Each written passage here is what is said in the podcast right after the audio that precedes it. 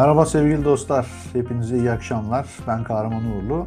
Teknoloji, sosyal medya ve gündemle alakalı canlı yayınlar yapıyorum biliyorsunuz. Ee, bu canlı yayınlarda sizlere böyle çok değerli konukları, çok değerli arkadaşlarımı misafir etmeye çalışıyorum. Ee, bu akşam da konuğum kripto para dünyasında oldukça iyi tanınan bir isim. Alp Işık bizlerle beraber. Ee, hemen Alp'i yayına alıyorum. Sevgili Alp hoş geldin. Hoş bulduk, merhabalar. Nasılsın? İyiyim, sağ ol. Sen nasılsın? Sağ ol, çok teşekkür ederim. Öncelikle yayınıma da yayınıma e, katılma katılımından dolayı teşekkür ediyorum. Sağ ben olasın. çok teşekkür ederim çağırdığın için. E, Valla Alp piyasalar karışık mı? Ortalık karışık mı? Ne diyorsun? Yani yayına bağlanmadan şu işte şu arkamdaki fiyatlar kıpkırmızıydı. Şimdi yine biraz böyle yeşil oldu. Piyasa her zaman karışık. Piyasa hani volatil olmadığı, yeni bir haber akışı olmadığı, şey olmadığı gün yok. Geleceğiz, geleceğiz. Ona da geleceğiz. Ee, şimdi e, sevgili izleyenler, öncelikle bizlere Twitter'dan ulaşabilirsiniz. Bize bu YouTube yayınında yorum olarak katkıda bulunabilirsiniz. Sorularınız varsa oradan sorabilirsiniz. Ee, şu anda Özgür Bilge e, ve e, Halil Çoban yorumlarıyla şu anda bir bize merhaba dediler. Onlara da biz selam söylemiş olalım. Öncelikle yayınımıza tekrar hoş geldiniz. Sizlerin katkıları önemli çünkü e, Alp Işık zaten yoğun birisi. Sağ olsun beni kırmadı geldi. E, bu canlı yayında da bu kripto paralar dünyasında ben e, en azından böyle birazcık şey daha girmek istiyorum. Hani biraz daha böyle en altlardan başlayalım. Hani sıfırdan yüze gibi düşünelim. E, diyeceğiz ki ya bu nedir? Nasıl çıktı? Bu yayında mesela neleri duyacağız? Bitcoin temellerine ineceğiz biraz. Hani biraz daha anlayabilmek amacıyla. Sonra devamında çıkan NFT, e, bu niye çıktı? NFT ne işe yarıyor? Gerçekten bir işe yarıyor mu? E, piyasa büyüklükleri yani gittikçe artıyor. Devamında biliyorsunuz Facebook başımıza Metaverse diye bir şey sardı. Metaverse dünyasına gireceğiz. Ve ilerleyen zamanlarda yine bu yeni yasa çıkıyor biliyorsunuz kripto para dünyası ile ilgili. Ülkemizde de bir yasa hazırlığı var. Bunun son durumu nedir? Ne oluyor? Nasıl bir yasa çıkacak? Vergiler çıkacak mı? E, onları biraz konuşacağız. Ve son olarak da e, sevgili Alp'ten e, neredeyse artık mesleği oldu diyebiliriz. Bu dünyaya girmek isteyen veya merakı olan kişilere e, kimleri takip etmesi, hangi kitaplar okuması, hangi içerikler izlemesi veya e, nasıl bir yol izlemesi konusunda fikirlerini soracağız. E, şimdi öncelikle bu yayına başlarken tabii ki Alp'i tanımakla başlayalım. E, sevgili Alp, yani Alp Işık kimdir? E, ya sen kimsin kardeşim? Bize kendini anlatır mısın biraz? Tabii ki. Yani şöyle kısaca biraz bahsedeyim. Ee, ismim Alp Işık. Ee, bilgisayar mühendisiyim aslında. Ee, Bilgisayar Işık Üniversitesi Bilgisayar Mühendisliği mezunuyum. Şu anda da Bahçeşehir Üniversitesi'nde e, fintech yüksek lisansı yapıyorum. E, tez aşamasındayım. E, onun dışında kripto paraları aslında ilk ilgim e, 2013 yılının başında başladı.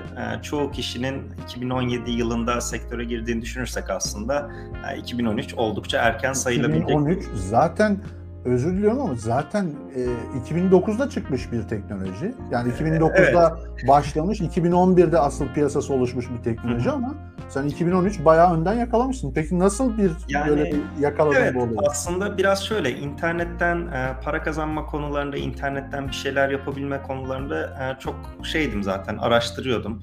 Yani ne bileyim mesela işte hazırlık öğrencisiyken işte İngilizceden Türkçe'ye, Türkçeden İngilizce'ye bir şeyler çevirip işte harçlığını kazanmaya çalışmaktan tutun da yani basit işte hosting işleri olsun, domain işleri olsun. Yani sürekli bir internet üzerinden kendim bir şeyler yapmaya çalışırken aslında bir gün hı hı. böyle bir kütüphanede dersi beklerken şeyi çok hevesliyimdir. Bütün bilgisayar dergilerini okurdum düzenli. Bizim kütüphaneden alırdım işte tek tek hepsini hiç böyle şey yapmadan hani ee, o ay hangisi çıktıysa okunun. Bir tanesinde şey dikkatimi çekmişti. Ee, işte geleceğin para birimi sanal para birimi. Burada tırnak içinde birazdan gireriz. İşte Bitcoin olacak. Bunu evinizde üretebilirsiniz falan filan şeklinde. Ee, böyle bir dergi kapağı gördüm ve hani ilginç geldi bana açıkçası. İlk başta ya bundan hani para mı kazanılıyormuş, neymiş falan diye. Hı hı. Ev arkadaşımla birlikte madenciliğe başladık. O da Caner buradan izliyordur bir dakika, belki. Bir dakika bu madenciliğe başladığın kaç senesi? 2013'te. 2013'te madenciliğe başladın. Evet. O zaman tabii elektrik fiyatları uygun değil mi? Böyle değil. Ya şimdi şu şekilde e, o zamanlar tabii şeyin yok. Mesela bu işte kripto para piyasası denmiyor. İşte kripto para borsaları değil. Bitcoin var. Yani birkaç Hı. tane altcoin var. Yeni yeni böyle yavaş yavaş. Ya şöyle söyleyeyim mesela Coin Market Cap'i açtığınızda Coin Market Cap kripto paraların işte CoinGecko'da var. Kripto paraların e, piyasa değerlerini görebileceğiz, fiyatlarını görebileceğiz bir site. Mesela oradaki ilk 10 proje, 20 proje çoğu kişi için hani değişmez gibi gözüküyor ama hani 2013'ten beri baktığımızda aslında oradaki projelerin seneler içinde nasıl ne kadar çok değiştiğini gördüm ama ilk başlarda tabii ki sadece Bitcoin vardı. E, doğal olarak öğrencisin. Hani bir yandan para kazanabilir miyiz? Buradan ne yapabilir miyiz diye bir madencilik işine başlamıştık Bitcoin madenciliğine. Fakat daha sonra olay tabii şeye dönüştü. Ee, Türkçe kaynak yok. Hani yok denecek kadar az yani. E doğal olarak işte Bitcoin Talk'un yabancı bölümünden, Reddit'ten falan bir şeyler öğrenilmeye çalışılıyor. Ama bir yandan da işte okul var falan öyle bir sürece girerken birazcık yavaş yavaş şey oturmaya başladı. Ya hani madem buna bu kadar vakit ayırıyoruz, çünkü madencilik dediğin şeyi aslında e, aldığın cihazlar yapıyor. Sen yani hı hı. orada bir, bir emek şeyi harcamıyorsun. Oturup da bir matematik problemini sen çözmüyorsun. Sen ne yapıyorsun? Sürekli başka şeyleri öğrenmeye çalışıyorsun. Oradaki o vaktini madem buna gir işte satacak mıyız, satmayacak mıyız, başka bir coin mi katsak karlı olur derken ben yavaş yavaş şeye başladım. Hani madem bir şeyleri öğreniyoruz işte bir YouTube kanalı kurayım, bir Facebook'ta bir işte Çok soru güzel. cevap insanlar bir grup oluşsun. O şekilde aslında ufak ufak tohumları atıldı. E, tam o sırada da şey oldu. E, bu 2013'ten sonra aslında Bitcoin fiyatının ilk 1000 dolara çıkmasıyla birlikte e, bir anda YouTube kanalıma falan da bir ilk başta ilk o şeyleri başladı. İnsanların işte YouTube bir... aramaya gir. Bitcoin ile para nasıl kazanırım enter diyorsun değil mi? Ya şu şekilde aynen ilk böyle Türkçe içerikler üretilmeye başladığı için insanlar da merak edince direkt benim içerikler çıkmaya başlamıştı.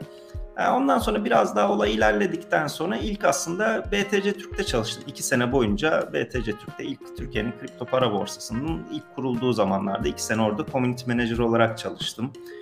Onun dışında 3-4gen'de çalıştım. 3D printer satıyorduk. Türkiye'deki ilk Bitcoin kabul eden işletme olmuştu. Hem 3 boyutlu yazıcı satıyorduk hem de kafe kısmında işte çay, kahve, sandviç Bitcoin'le ve yapmıştık. Bayağı da satış yapılmıştı ondan. Hatta benim de orada bir şey hikayesi oldu.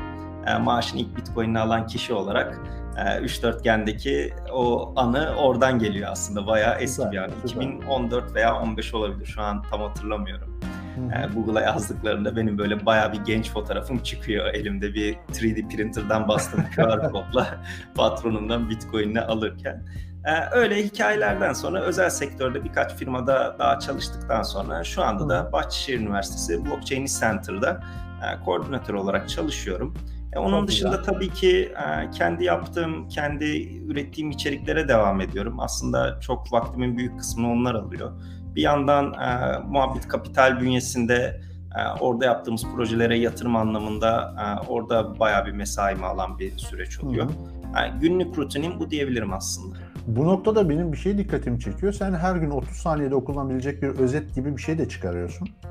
Ee, evet. Yani e, gün içinde bu kripto para piyasalarıyla ilgili herhalde sanırım değil mi? Ya benim amacım şu oldu. Şimdi yani ben buna bir zaman yatırımı yapıyorum. İnsanlar biraz bunu aslında e, şey yapıyor, gözden kaçırıyor. Yani Hı. bu işte bir şeyleri öğrenmek, bilmek için bu her şey için geçerli. İngilizce öğrenmek istiyorsanız da geçerli. Ne kadar aslında zamanınızı yatırabildiğiniz, zamanınızı harcayabildiğinizle birazcık doğru orantılı. Şimdi Hı-hı. hepimiz farklı sektörlerdeyiz. Hani ben belki buna bu kadar vakit ayırıyorum ama e, doktor var, işte başka mühendisler var, başka herhangi bir sektörden birisinin e, istediğim şuydu aslında. Hani o gün içerisinde 30 saniyede 1 dakikada ya bu kripto para ekosisteminde, blockchain ekosisteminde neler olmuş diye e, onu kısaca görebileceğim Medium'da bir yazıyla başladım. Bu da aslında biraz pandeminin başına denk geldi. Pandeminin başında Instagram'da herkes canlı yayın açmaya başladı ya tepede herkes kırmızı evet, evet, evet. Oralarda aslında hani ben de neler yapabilirim derken ona başladım. Geçen baktım yani son bir 2-3 ayda biraz aksatmışım ama ondan önceki bir gün bile kaçmamış diyebilirim. Son bir 2-3 ayda birazcık aksattım. Ama ondan önceki yani istikrarlı bir şekilde orada da çok ciddi okunma sayıları oldu. İnsanlar sevdi, abone oldu. Ya benim de açıkçası gün içerisinde gördüğüm haberleri yan sekmede bunu da akşam insanlara duyurayım şeklinde notlarımdan oluşan bir... Bravo. E, her gün her gün bu tarz bir içerik yapmak hakikaten kolay değil. Ne kadar işin olsa bile. Çünkü bir noktadan sonra böyle bir bıkkınlık verebiliyor. Ama tebrik ediyorum seni bu şekilde bir içeriği devam ettirdiğin için. E, Alp'in YouTube kanalında da çok güzel içerikler var. Şöyle bir geçmişe gidip oradan daha detaylı videoları inceleyip biraz daha işin içine girmek isteyenler onu mutlaka takip alsınlar. E, şimdi yavaş yavaş e, Alp seni tanıdık. Valla harika işler yapıyorsun. E, başarılar diliyoruz tabii ki. Şimdi yavaş yavaş şu Bitcoin'e bir gelelim. Bitcoin derken aslında e, hep böyle Bitcoin bu işin ilk e, dile dolanan tabiri olduğu için hep Bitcoin diye söylüyoruz ama dijital para demek mi daha doğru? Kripto para demek mi daha doğru? Yoksa e, blok zincir dediğimiz bu kripto altyapısını e, kripto altyapısıyla güçlendirilmiş bir akıllı defter mi diyelim? Sen bunu nasıl tanımlıyorsun? Bu sence doğru tanım nedir dijital para, kripto para konusunda? Yani benim açımdan e, kesinlikle kripto para doğru tanımını Güzel. olduğunu düşünüyorum. Çünkü burada birazcık kafa şeyden karışıyor. Dijital para ile kripto paranın arasındaki farkın doğru anlaşılamamasından, doğru yansıtılamamasından yapılıyor. Dijital para dediğimiz aslında ya şu an hepimiz aslında dijital para kullanıyoruz. Yani en son nakit olarak harcama yaptığını e, hani zor hatırlıyorsundur. Büyük ihtimal istisnai bir durum olmuştur. Ya da bir e, o zorunluluktan gereği nakit harcama yapmışındır. Şu anda zaten hepimizin kazandığı paralar, maaşlar rakamlar olarak yatıyor. O rakamları birbirimiz arasında paslaşıyoruz. Ürün ve Havaleleri yapıyoruz. Kalan olursa onu da değerlendiriyoruz. Kalan olursa da işte değerlendirmek için ne yapabiliriz diye düşünüyoruz. Şimdi burada aslında CBDC dediğimiz merkez bankalarının çıkaracağı dijital paralar şu anda Çin'de bugün bir haber okumuştum. Hı. Milyarlarca dolarlık hacime ulaştı. Çin bu dijital para konusunda şu anda ciddi şekilde önde gidiyor. Merkez bankalarının çıkaracağı bu dijital paralarla birlikte de artık hani nakit kullanımı zaten kalkmış durumdayken iyice Yani bildiğimiz fiziki paraların banka hesabımızda gördüğümüz rakamlar halinde olmasına dijital para diyoruz. Ama kripto para Evet, kripto paraları da şu şekilde değerlendirmek gerekiyor. Bir mesela Bitcoin gibi tamamen merkeziyetsiz olanlar var. Tamamen bu aslında kripto paranın ilk çıkış şeyi bu şekilde. Şimdi bir de mesela yani stabil merkeziyetsizlik ne demek? Onu evet, biraz merkeziyetsizliği şöyle yapalım. Blockchain, blok zinciri teknolojisi üzerinde çalışan kripto paralar birkaç tane çeşide ayrılıyor aslında. O yüzden kripto para deyip de geçmemek gerekiyor. Mesela Bitcoin'in dedi ki merkeziyetsiz bir şekilde çalışıyor. Yani herhangi bir devlet, kurum, özel sektör, bir şirket kimsenin denetiminde olmayan devletler üstü aslında bir yapıdan bahsediyoruz burada. Ee, blok zincir teknoloji sayesinde de bu muhasebe kayıt defterinin aslında 10 binden fazla bilgisayarda tutulduğu e, dağıtık bir şekilde tutulan bir veri tabanından bahsediyoruz. Hı hı hı. Ee, bu çok fazla teknik detaya girip sıkıcı olmak istemiyorum ama tamam. şunun birazcık bilinmesi gerekiyor. Şimdi Bitcoin buradayken bir de stabil kripto paralar var mesela. 1 dolara sabit.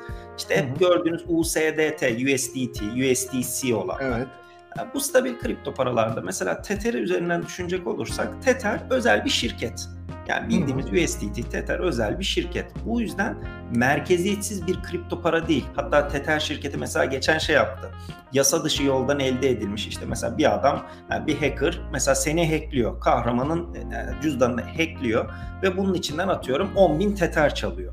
Tether eğer o adresi takip edebilirse dondurabiliyor o paralarını adamı. Yani bu direkt merkezi bir kuruluş olduğundan dolayı bunu yapabiliyor. Hı hı. Bir işin bu kısmı var. Yani bir XRP gibi mesela işte Ripple gibi yine kendi şirketlerin çıkardığı kripto paralar var. Son zamanlarda duyduğunuz fan token olayları var mesela. Kulüplerin çıkardığı tokenlar var bir tamamen merkeziyetsiz stabil kripto paralardan mesela işte DAI falan var. Bunlar yani stabil kripto paralar da içinde merkezi ve merkeziyetsiz diye ayrılıyor. Çok kafa karıştırmamak için şöyle toparlayabiliriz. Dijital paralar dediğimiz merkez bankaların çıkaracağı paralarla hayatına devam ederek bizim de kullanımımızda olacak. Kripto paralar dediğimizde Bitcoin gibi mesela Ethereum'u düşünürsek, Avalanche'ı düşünürsek bunların üzerinde de aslında akıllı kontratların çalışmasıyla birlikte bunlar çok daha farklı fonksiyonlara sahip. Yani Bitcoin'le sadece değer saklama aracı, ödeme yöntemi olarak kullanabilirken aslında biraz dijital altın gibi kullanabilirken E, diğerleri de akıllı kontratların üzerinde çalışabildiği platformların kendi tokenları ve coinleriyle de e, çok daha farklı şeyler yapabiliyoruz. İşte merkeziyetsiz finans dediğimiz, DeFi dediğimiz, NFT dediğimiz yerde aslında orada şekilleniyor diyebiliriz. Anladım.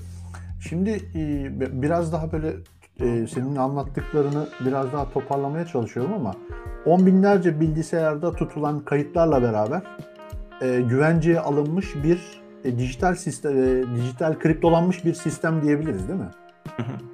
E, şu anda mesela 15.137 tane node varmış. E, bunun dünya üzerindeki haritasına sana şeyden atabilirim istersen. Şu private'dan atayım. BitNodes diye bir tane site var. Hı hı. Ee, bilmiyorum yayında onun live map'ini açıp belki gösterilebilir ama şuradan hı hı. E, diğer monitörüm olmadığı için şu an ekranı yansıtırsam küçük gözükecek ama belki sen gösterirsen. Tamam. Yani burada Bitcoin'in kayıt defteri mesela herkes şeyi sorar. E, kripto paralarla böyle ilk tanışıp Bitcoin'i öğrenen kişiler ya bunun fişini çekecekler mi? Bir anda sıfırlanacak mı tarzı bir yorum gelir. Ya bunun gelmesi de gayet normal. İnsanlar sonuçta e, öğrenmeye çalışıyor. Hı hı. En Bu alttan... sayfa değil mi? Evet şu live map'e tıklayabilirsin. Şu sağ alt köşede bir live map yazısı var ya. Hı hı. Ona tıkladığında mesela hı. ya bu da çok doğru olmayabilir. Hani buradaki haritadaki şeyler çok belki doğru olmayabilir ama genel olarak şeyi yansıtacaktır. Hani e, Bitcoin nodlarının çalışma şeyini yansıtacaktır. Bu arada siz de node olabilirsiniz. Yani bütün o muhasebe defteri şu an 350-400 GB olmuştur mutlaka. 270 falan da en son baktığımda. Hı hı. Siz de onu bilgisayarınıza indirip aslında torrent mantığı. Torrent'te nasıl bir şey evet, indirdikten evet. sonra seed'de kalıyorsun ve upload yapıyorsun. E, benzer bir şekilde burada da bu muhasebe defterini sen de tutabiliyorsun ve başkasının bilgisayarı hacklendiğinde, bozulduğunda, çalındığında mutlaka yedekler diğer e, nodlarda da olduğu için, düğümlerde olduğu için de bu şekilde merkeziyetsiz bir şekilde muhasebe defteri tutulabiliyor. Bu tabii Hı-hı. Bitcoin için. Diğer kripto paralar var. Akıllı kontratların üzerinde çalışan Ethereum, Avalanche, Proof of Work, Proof of Stake. Yani teori kısmına iyice girmeye başlayınca olay tabii ki dallanıp budaklanıyor. Peki ben seni o teori kısmından biraz daha dışarı çekeyim. Ee, şöyle bir soru sorayım. Bitcoin ve kripto paralara sence neden ihtiyaç duyuldu? Bu biliyorsun e, kim olduğu hala belli değil ama bu Satoshi Nakamoto e, onun hikayesinde var bu aslında biraz ama sence bu e, dünyanın böyle bir şeye ihtiyacı var mıydı? Yani bu kripto paralar e, ihtiyaç sebebinden mi çıktı yani? Şimdi şöyle söyleyelim bunu. Bir kere kripto paralar artık hayatımızda var. Hani bunu bir es geçmemek gerekiyor. Çünkü 11-12 senedir tamamen aslında Bitcoin ile birlikte hayatımıza girmiş. Hiçbir şekilde Bitcoin bazında konuşacak olsak aksamadan bugüne kadar çalışmış. Şimdi merkezi kuruluşlara, şirketleri düşünürsek mesela Facebook'ta Libra eski adı Diem biliyorsunuz işte dijital parasını çıkarmak istemişti. Amerika bayağı onun önünü kesmişti. Biz geçen sene aslında görecektik. Fakat neyi görüyoruz mesela? Ee, Instagram, Facebook sizin geçen e, Özgür'le sanırım yayında onu konuşmuştuk. Saatlerce bir kesintiden. Şimdi öyle bir durumda Facebook'un bizim dijital paramızı kullandık. Ya gittim işte benzin aldım, markete gittin. Yani merkezi bir şirketin çökmesiyle birlikte o dijital paranın cüzdanına ulaşamama gibi bir durumda oluşabilecek kaosu düşün. 6 saat, 10 saat boyunca çalışmaması. Biliyorsun işte Türkiye'deki bir banka 2 gün boyunca hizmet veremedi. Yani burada aslında çıkış noktası şey tamamen devletlerin üzerinde herhangi bir merkezi kuruluş olmadan, herhangi bir saldırılabilecek bir nokta olmadan, bu da çok önemli kritik bir nokta Güzel. oluşabilecek aslında herkesin kullanabileceği ve en önemlisi de şu para politikası başından belli ve öngörülebilir. Ya yani şimdi şöyle mesela Fed'in faiz kararı diyoruz. Bu sene 6 kere mi 4 kere mi Mart'ta mı Artık heyecanla bütün e, Merkez Bankası faiz kararları yok işte e, hepsini takip eder olduk yani. İşte yani bunu bu bilinmezlikten kaynaklanıyor aslında. Mesela Bitcoin'de şöyle bir durum var. 2140 yılına kadar Bitcoin'ler üretilmeye devam edecek. Hı hı. E, şunda da ezbere konuşmayayım. Şeyden bakalım. E, buradan hızlı bir şekilde bulabilsem 18 milyon 932 bin gözüküyor. Belki güncel değildir ama şöyle söyleyebiliriz. 2140 yılına kadar üretim devam edecek. Fakat yaklaşık 2032'de falan zaten %99'u üretilmiş oluyor. Yani geri kalan %1 son yüzyılda olacak. O da onun biraz aslında sihirli şey. Herkes şey diye sanıyor. Ya daha 100 sene, 120 sene var sanıyor. Ama %98.7 falan olması lazım. Bu 2000... haliyle Bitcoin biraz da piyasanın altını gibi değil mi? Tabii ki dijital altın olarak görülmesiyle birlikte aslında en önemli şey şu. Para politikası belli. Bir sonraki ödül yarılanmasının ne zaman olacağı, 10 sene sonra hangi hafta mesela şey olacağı, ne kadar o sirkülasyonda bitcoin olacak bunlar değiştirilemez ve baştan belli olması da e, doğal olarak insanlara bir, burada bir güven unsuru yaratıyor. Ben bir de şunun es geçilmemesini düşünüyorum. E, Bitcoin'i ödeme yöntemi olarak kullanabiliyoruz. Evet şimdi Starbucks'tan kahve Bitcoin aldı mı, komisyon vereceğiz mi, şu yapacağız bir sürü tartışma var. Ama bu tartışmaların yanında şöyle de bir özgürlük var. İnsanlara bunu anlatmak için sırf YouTube'da bir tane playlist oluş, oynatma listesi oluşturdum ve şey yaptım. Japonya'ya giderken sadece yanıma Bitcoin aldım. Ya çok komik bir miktar dolar almıştım. Hani dedim yine de backup planım olsun diye. Yani gidip sadece Bitcoin'e çünkü kabul eden bir sürü yer var. Bir sürü ATM var. Herhangi bir ülkeye gittiğinizde o ülkenin yerel para birimine çevireceğiniz sadece Bitcoin dediği stabil kripto paraları ve diğer kripto paraları da destekleyen yani Bitcoin ATM'leri var. E, bunlardan direkt o paranın yerel para birimine çevirebiliyorsunuz. Ama buna bile gerek kalmıyor. Yani direkt bir uygulamayı açtığımda pizza yiyeceğim. Tamam şuna gideyim Bitcoin kabul ediyormuş. Şuna gideyim. Ya bu o kadar artık gelişmiş bir durumda ki siz onu cebinize bir tane telefona yükleyebileceğiniz cüzdanla ya da işte bir USB belleğe benzeyen işte donanım cüzdan dediğimiz Ledger'da, Trezor'da onlardan bir tanesini alarak aslında orada bir istediğiniz miktar parayı taşıyabiliyorsunuz. Bu önemli bir özgürlük. Tamam belki işte sen Starbucks'ta kahvenin iki katı komisyon ve bu apayrı bir tartışma konusu. Bunun çözümü için yapılan bir sürü teknik şey var. Belki de bunu Bitcoin'le çözmek zorunda değiliz. Başka stabil kripto paralarla ödemeyi çözebiliriz. Ama ödeme yöntemi olarak... son düzenleme yapılmadan önce ben hatırladığım en son araba alışverişlerinde kullanılıyordu. Evet şu an ülkemizde yasak kripto paralar. Evet, o bir popüler oldu araba alışverişi falan filan öyle bayağı bir gündeme geldi işte. Ya şöyle ara Bitcoin'le araba alım satımı falan filan deyince e, hop ne oluyor gibi bir şöyle olmuş. Söyleyeyim, yani e, şöyle söyleyeyim ne kadarlık bir hacime ulaştığını bilmiyorum ama çok fazla Bitcoin'le ya da herhangi bir kripto paralarla alım satımının hacminin çok yüksek olduğunu ben Türkiye'de düşünmüyordum açıkçası. Evet. Ama bunun yasaklanmasıyla birlikte çok daha fazla zarar verdiğini düşünüyorum. Çünkü hani Türkiye'de Bitcoin'le bir şey ürün ve hizmet almak yasak e, daha şey oldu. Hani o hacmin karşısında onu yasaklayarak o şekilde durdurmak pek de o yani az bir hacim vardı diye tahmin ediyorum. Sorularımın arasında o da var. Sorularımın adı arasında o da var. Ben şöyle ufak bir not almıştım. Oradan ilerleyeyim izin verirsen. Şimdi 2009 yılında açık kaynak, kaynaklı bir yazılım olarak çıkıyor Bitcoin. E, 2011-2017 yılları arasında 600-900 dolar bandında bir değerle ilerliyor. 11 Aralık 2017 tarihinde bir peak yapıyor ve 18.800 dolarlara kadar falan bir çıkıyor. Aralık 2017. Sonrasında Aralık 2020'ye kadar da 3500 dolarla 15.000 dolar bandı arasında iniş çıkışlarla ilerlemeye devam ediyor. Sonra 5 Nisan 2021'de 60 bin dolar gibi bir zirveye tırmanış. Ondan sonra Temmuz 2021'de e, ki 6 ay 7 ay öncesinde 30 bin lira düşüş.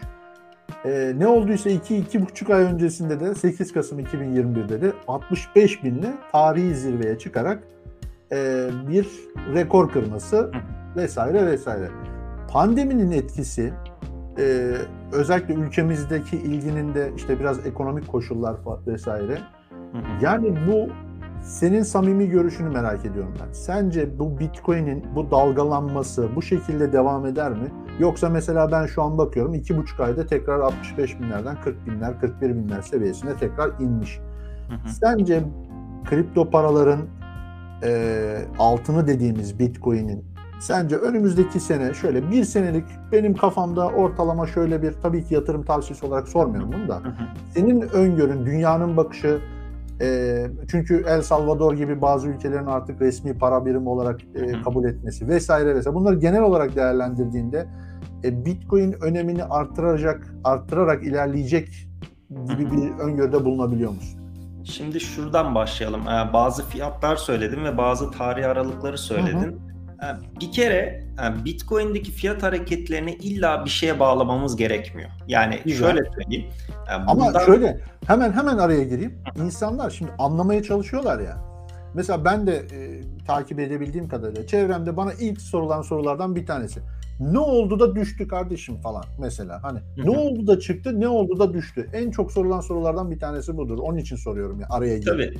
Şimdi şöyle e, aslında 2013-2016 arasında falan yani 2017'nin o Kasım'ında zirve yapıp da herkesin Bitcoin'e e, merak edip de satın almasından önceki durumlarda ve biraz da aslında kurumsal yatırımcıların ilgisi olmadığı ilk o taş devri dönemlerde aslında 2013, 2014, 2015 oralardayken e, Bitcoin tamamen aslında bağımsız hareket ediyordu. Bağımsızdan kastım şu.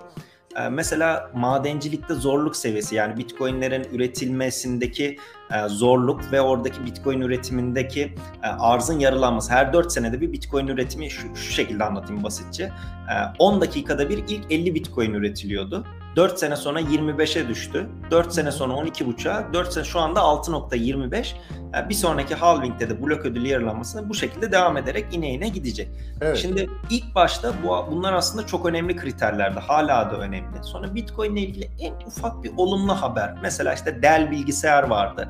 Dedi Bitcoin kabul ediyoruz. İnanılmaz bir haber. Yani şu anda böyle El Salvador'un kabul etmesi, işte Tesla'nın Bitcoin'le araç satışına başlaması yani 2013-2015 arasında olsaydı inanılmaz böyle haftalarca konuşulacak haberlerdi. E şu anda çok da böyle hani bir gün şaşırıyoruz, iki gün şaşırıyoruz, üçüncü gün alıştığımız bir dönem oldu.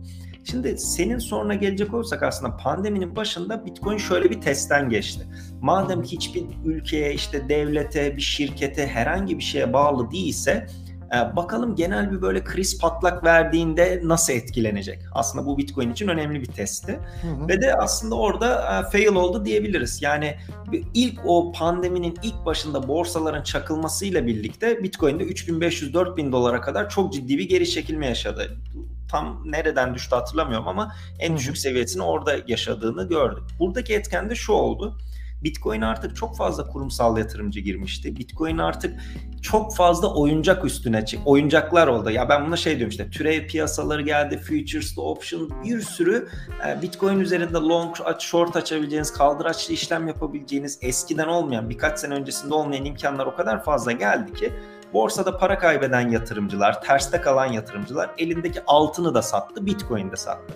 Şöyle bir durum var. Altınla Bitcoin grafiğini üst üste koyarsanız genelde e, benzer gider. Biraz daha Bitcoin agresiftir tabii ki. Volatil ola, volatilitesi çok daha yüksektir. Mesela S&P 500 indeksini ile Bitcoin fiyatını da koyduğunuzda yine benzer bir grafik olur. İşte biz o pandeminin başındaki Mart ayında 3500-4000 dolara kadar çakıldığında S&P ile altın hepsiyle aynı anda oldu. Fakat bundan sonra şöyle bir durum gerçekleşti.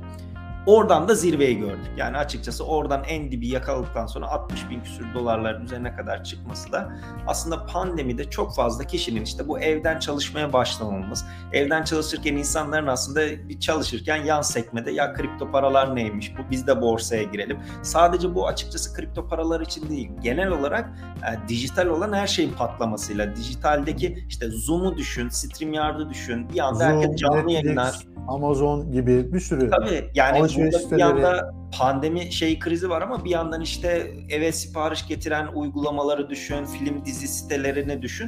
E, Bir yanda kripto paralara da ciddi bir şekilde ilgi oldu. Çünkü insanlar evden de e, evinde kalmak zorunda ve bir yandan para kazanmak zorunda ek gelir de elde etmek için. Kripto paralara ciddi bir şey oldu. Fakat bunu e, bununla da açıklamak çok doğru değil. Çünkü şöyle bir şey, Bitcoin'i, kripto paraları, blockchain teknolojisini her gün yeni insanlar öğreniyor.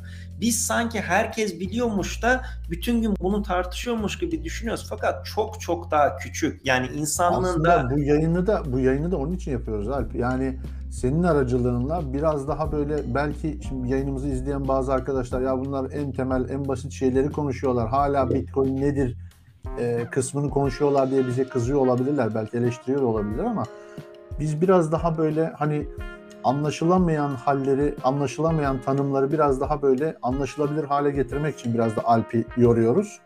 Ee, biraz daha bizi izleyerek hani ya bu kafadaki mantığı oturtup belki daha faydalı olabiliriz diye düşündüm ben. Buyur Ya, devam et. aynen şey kısmına girebiliriz. Yani en derin teorik kısmına da girebiliriz. Orada yani sen hiç, zaten e, derin kısımlarını merak edenler e, Alp Işık'ın Aynen, hiçbir sıkıntı yok ama detaylı bir yani- şekilde görebilirler.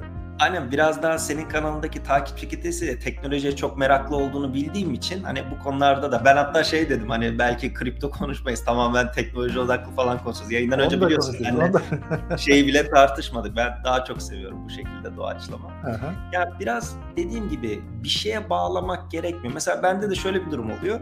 Ya en ufak bir fiyat hareketinde mesela Bloomberg arıyor. Hemen akşam 6'da yayını alalım. Niye düştü, niye çıktı? Ya bilmiyorum niye düştü niye çıktı. Hani anlıyorum. Çok iyi ya. Günler, hani Aslında canlı yayına çıkacaksın. Ne bileyim ben diyeceksin değil mi orada? Hayır, bazı günler bunun çok mantıklı sebepleri olabiliyor. Mesela şöyle evet. eskiden Fed'in faiz kararları mesela çok net bir şekilde etkilemezken şu anda mesela Bloomberg'i aç akşam mesela işte Fed'in faiz kararı yorumlanırken altta mesela işte altının fiyatı işte döviz fiyatları dolar euro ne oldu onlar gösterirken yanında Bitcoin de gösterir. Yani ona olan tepkisi de gösterilir. Onun dışında mesela herhangi bir şekilde çok büyük bir şirketten haber geldiğinde ya yani bir şeylere bağlamak istiyorsan mutlaka bir habere bağlayabilirsin. Ama bir yandan da gerçekten bazı mesela bir balinanın elinde ciddi miktar parası olan birinin Bitcoin'i öğrenmesi, buna inanmasıyla birlikte belki çok ciddi bir alım yapmış da olabilir. Yani bizim bunu tabii ki on-chain data üzerinden, borsalara giriş çıkış üzerinden bir sürü metriklerden bakabiliyoruz. Ama insanlar biraz daha işin magazinsel kısmı ile ilgilenmek istediği için onu bir e, habere bağlama ihtiyacı duyuyor. E tabii çoğu zaman %70-80 bu oluyor fakat her zaman da olacak gibi bir durumda yok yani diyebiliriz.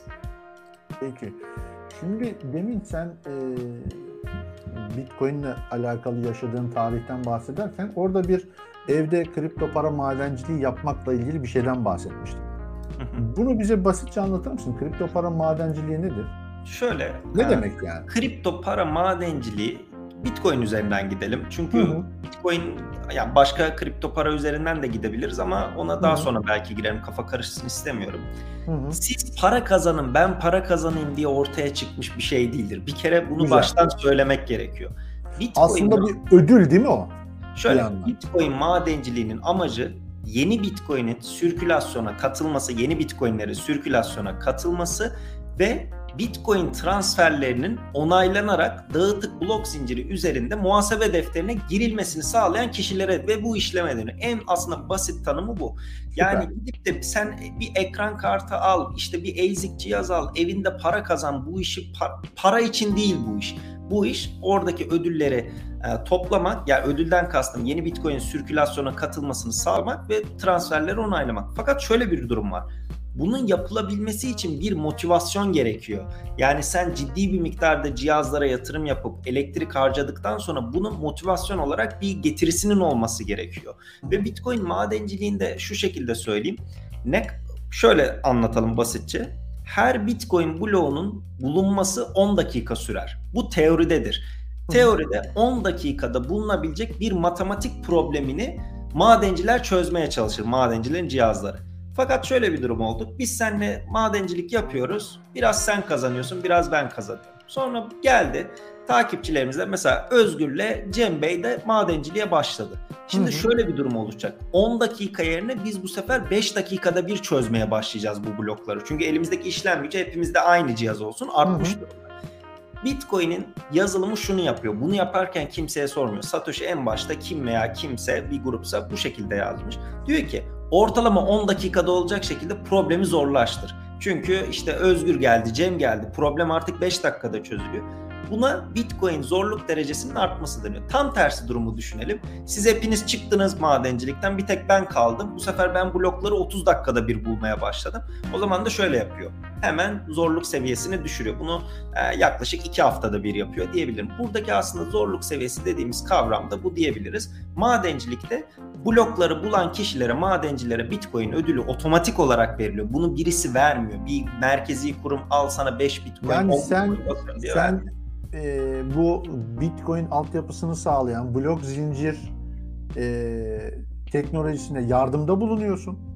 Hem evet. kriptolanmasında hem çözülmesinde bilgisayarını kullanarak yardımda bulunuyorsun.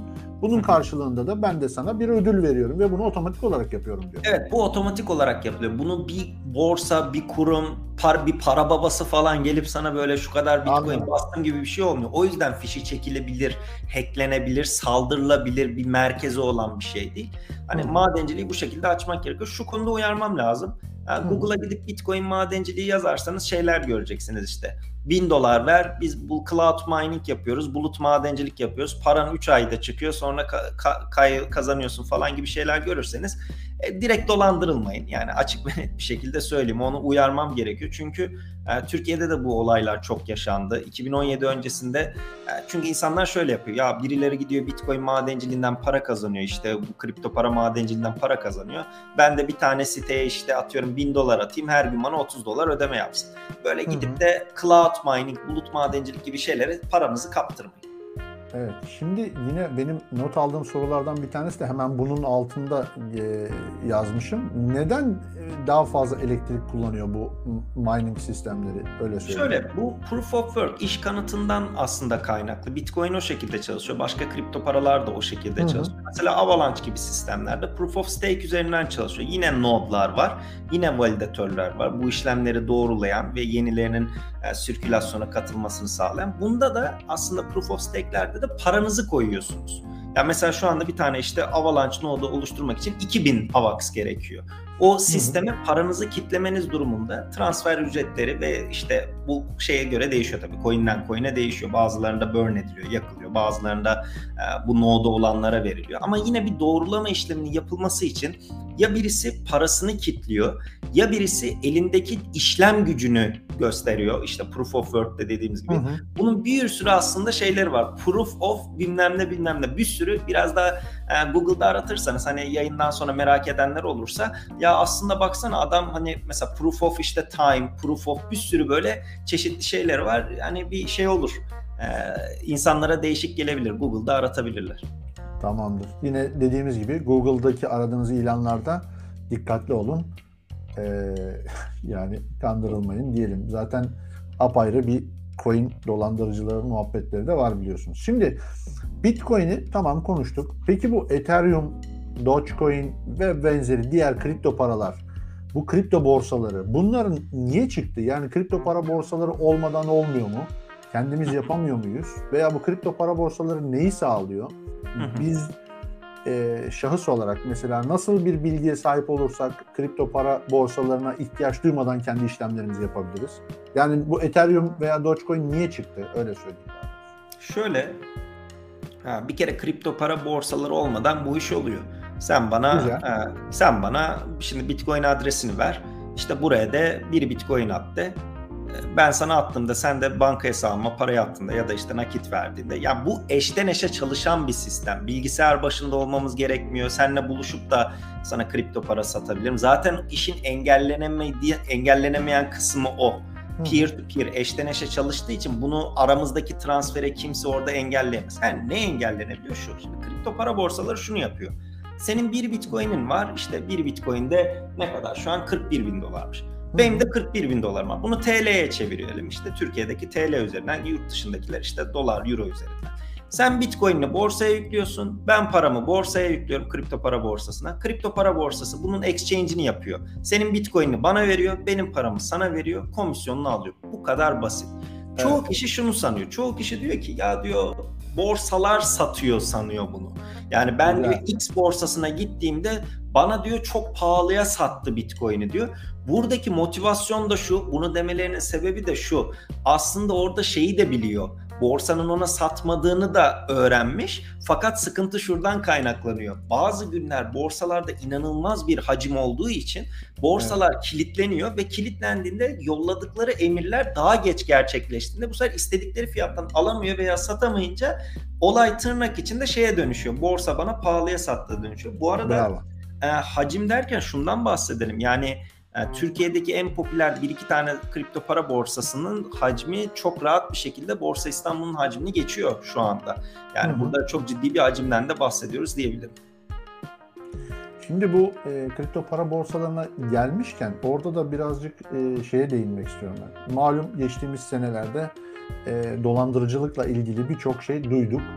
E, bu dolandırıcılık, kripto para do- borsaları dolandırıcılığı diyeyim Diğer ülkelerde senin aklında kalan bizim ülkede yaşananlara benzer olaylar oluyor mu diğer ülkelerde de? Yani bizim ülkemiz adına bir e, kötü imaj mıdır bu? Ee, ne dersin? şekilde, e, Türkiye'de kripto paralara çok yoğun bir ilgi olduğu için zaten Hı hı. istatistiksel olarak hani ne kadar çok kişi bu işlerle ilgileniyorsa e, şey şey oran olarak artıyor doğal olarak. Hani kötü bir olayın yaşanma ihtimali de bir yandan artıyor. Şimdi bunu şey olarak görmemek lazım. Kripto para borsası, ya kripto para borsasında dolandırıcılık şöyle olur. Adam borsanın sahibi kaçabilir. Borsanın sahibi mesela yurt dışında şey oldu. Şey dediler bizim CEO'muz ormana gezmeye gitmişti. Dönmedi geri öldü. İşte bütün Bitcoin'lerde adamın şeyindeydi, USB belleğindeydi. Paralar gitti sizin dedi. Yani saçma sapan bir sürü durum yaşanıyor olabilir. Ama burada çok daha aslında teknik detaylar var. Şimdi şöyle bahsedelim. Mesela herkes televizyonda şey anlatıyor. Soğuk cüzdan kullanın, donanım cüzdan kullanın. Ya kullanın da Bir şey Onun- söyleyeceğim. Bir sonraki soruydu. Güzel. onun onun 24 kelimesini siz doğru bir şekilde saklayamazsanız soğuk cüzdan kullanmanızın hiçbir esprisi kalmaz. Burada da şundan bahsediyorum. Bak şimdi ben bir tane tweet atayım şimdi. Ya Metamask'te kullanamıyorum. Metamask bir tane Chrome üzerinde kullanabileceğiniz kripto para cüzdanı. Chrome eklentisi olan genelde Tamam. en çok bu kullanılıyor. Çok popüler bir cüzdan. Herkes bunu kullanıyor. Google'a, Twitter, Twitter'da ya Metamask'im çalışmıyor gibi bir şey yazayım. Anında altına 15 tane dolandırıcı bot geliyor. Yani direkt Metamask'i artık insanlar meta sansürleyerek yazıyor botlar gelmesi diye. Ve bot da Yıldız. şey diyor. aynen Yıldız bot da şey diyor işte sana. Merhaba işte Metamask Türkiye temsilcisiyim. Ben sana yardımcı olayım. 24 kelimenizi Google Form'a girdikten sonra ekip arkadaşlarım size dönecektir. Bak bu Süper. Bu çok komik gözüküyor olabilir. İşin içinde olan birisi için ya saçmalama buna düşen olabilir diyen ama bunu düşüp de bütün kripto parasını çaldırıp şikayetvar.com'a benim paralarımı çaldılar diye Ya- şikayet açan yüzlerce kişi var. Bir şey söyleyeceğim. Dur bakayım onu bulabilirsem. Ee, Cimer'e yazılan bir şikayet vardı ya. Tabii tabii.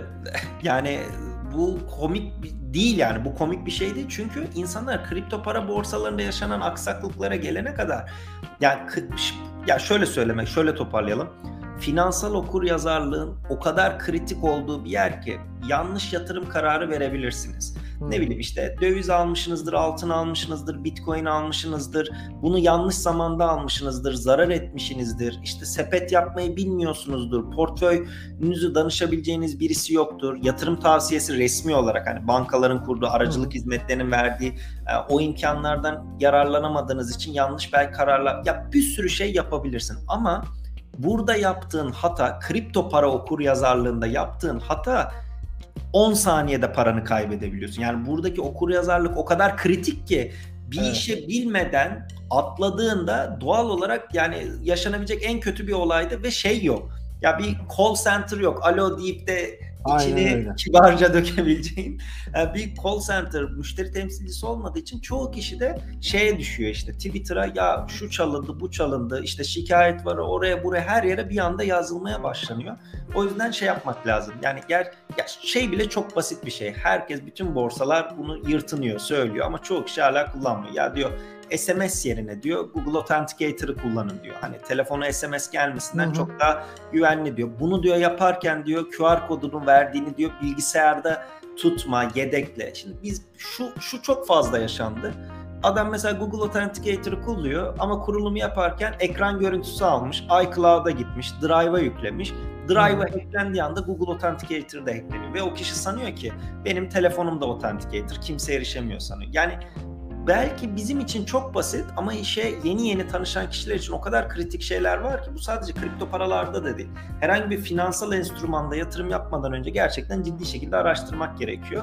Öbür türlü olay şeye gidiyor. Hani borsadan X coin'i alayım işte Dogecoin Elon Musk tweet attı artıyor mu azalıyor mu alacağız mı satacağız mı öbür türlü ya işin o kısmı çok fazla kişi tabii ki doğal olarak hani o kısımda ama e, sonu çok da şey olmuyor. Yani çok fazla kişi için hani en azından büyük topluluk için üzücü olabilir. Peki bu e, insanları korumak adına söylüyorum en azından insanların biraz daha kendini güvende hissetmesi adına bu sıcak cüzdan soğuk cüzdan kavramları var ya çok basit tabiriyle sıcak cüzdan e, kripto para borsalarında tuttuğumuz cüzdan soğuk cüzdan dediğimizde bir USB bellek ve benzeri e, cihazlara aktardığımız cüzdan diyebil diye biliyorum ben. Doğru mu biliyorum öncelikle onu sorayım. Yani e, genel tanımıyla evet sıcak cüzdan Hı. biraz da internete bağlı günlük kullanım için kullanabileceğiniz, Hı. borsalarda kullanabileceğiniz cüzdanlar. İşte telefondan ne bileyim işte bir cüzdan yüklemişindir. İçinde 100-200 dolarlık bitcoin atmışındır. Onunla ödemelerin için kullanıyorsundur. Ama genel büyük yatırımında işte Ledger'da, Trezor'da onların cihazları çok popüler. Soğuk Peki cüzdanlar... soğuk cüzdan nasıl yapabilir insanlar? Soğuk cüzdan dediğimiz nedir tam olarak? Soğuk cüzdan aslında hardware wallet dediğimiz donanım cüzdan diye arattıklarında genellikle Trezor'un, işte SafePal'ın, Ledger Nano X gibi 2-3 tane marka var. Burada marka ismi söylemekte sıkıntı yok çünkü zaten piyasada başka yok. Hani 2-3 tane olduğu için en popülerler onlar.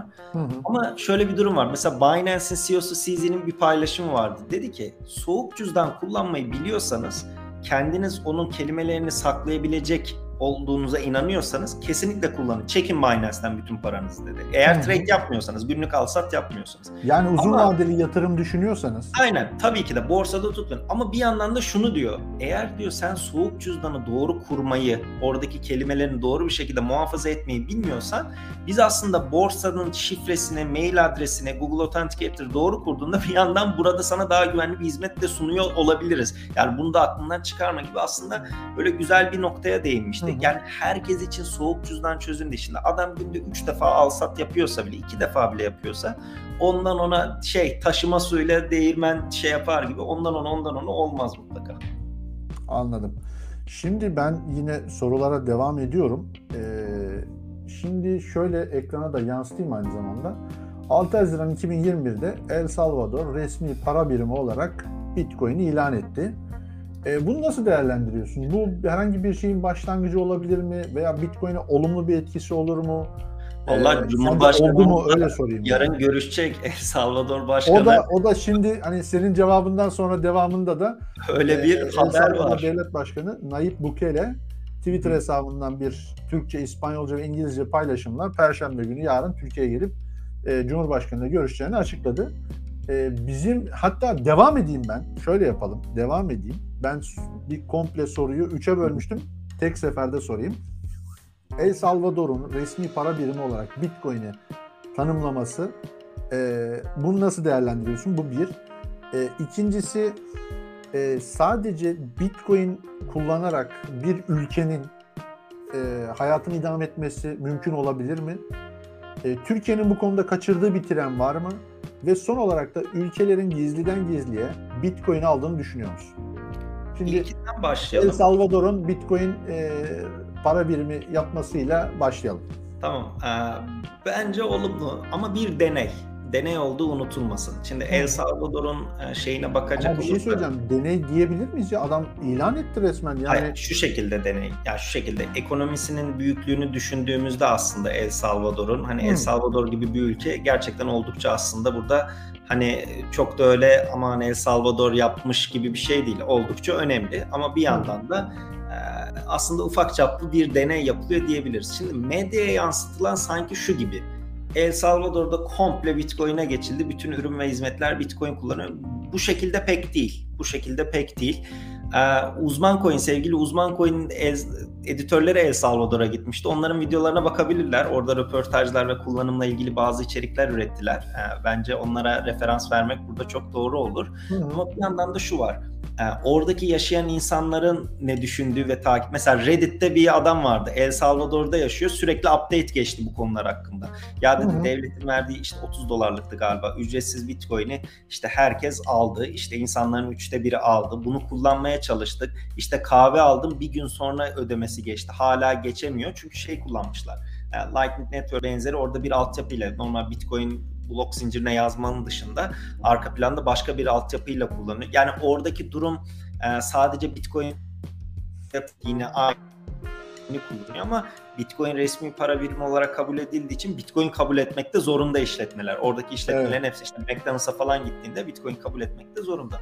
Şimdi orada şöyle bir deney var tabii. El Salvador'un başkanı ne zaman fiyat düşse dipten aldık, dibi kazıdık gibi tweetler atıyor adam. Yani böyle işte bazen de şey yapıyor işte 20 tane daha aldık işte 10 tane daha aldık böyle hani şey e, montun cebindeki parayla aldık. Ucuna yeterek alır işte şey gibi de değil. Michael Saylor'ı görüyoruz mesela MicroStrateji tamamen şirketi pivot ettirdiler. Yani milyarlarca dolarlık Bitcoin satın alımı yaptılar. Şimdi kurumsallar evet. da bu satın alımlara devam ediyor. Şimdi El Salvador'da yalnız şöyle bir ilginç var. Yani başkanı şey açıklaması yaptı. 2 ya da 3 dedi. Tam hatırlamıyorum. 3 tane daha ülke kabul edecek dedi. 2 ya da 3'tü. Tam şimdi hatırlamıyorum. 2022 yılında böyle bir sürpriz olacak. 2 ya da 3 işte ülkeye daha kabul edecek şeklinde açıklama yaptı. Bir yandan e, Var maden... mı bir tahminin bu ülkelerle ilgili? Valla açıkçası yok. Yani benim açıkçası dijital para çalışmaları ve regülasyonların hızlandığı bir sürece gireceğiz 2022 yılında. Yani bir ülkenin daha Bitcoin'i bu şekilde kabul etmesi. Şimdi El Salvador bir yandan madencilik de yapıyor. Ee, şey kısmı da var oradaki bir de onların sanırım e, doğal e, kaynaklarla elektrik üretimiyle alakalı da çalışmaları var. Evet şimdi şeye baktım kendi şeyimden kopya çekeyim Medium'da yazmıştım bunu. E, volkanik enerjiden aynen yararlanarak evet. madencilik yapıyor ve e, yaklaşık 1000 bitcoin tutuyorlarmış. En son o şekilde not almışım. E, 1000 bitcoin satın almışlar yaklaşık da. Ee, tabii hem üretim var hem ülke resmi para birimi olarak kabul etmesi var. Şeyi bilemeyiz. Son soruya bağlayayım buradan. O ar- aradakileri sonra cevaplayayım. Yani ülkelerin merkez bankalarının satın alıp almadığını gizliden gizliye e, bilemeyiz ki. Yani bu işin hayır, aslında... Hayır. Hayır bir, yani sen öyle bir olabilir diyor musun? Öyle bir tahminin olur mu? Veya ülkeler yani, bu şekilde bir hazırlık yapıyor olabilir mi?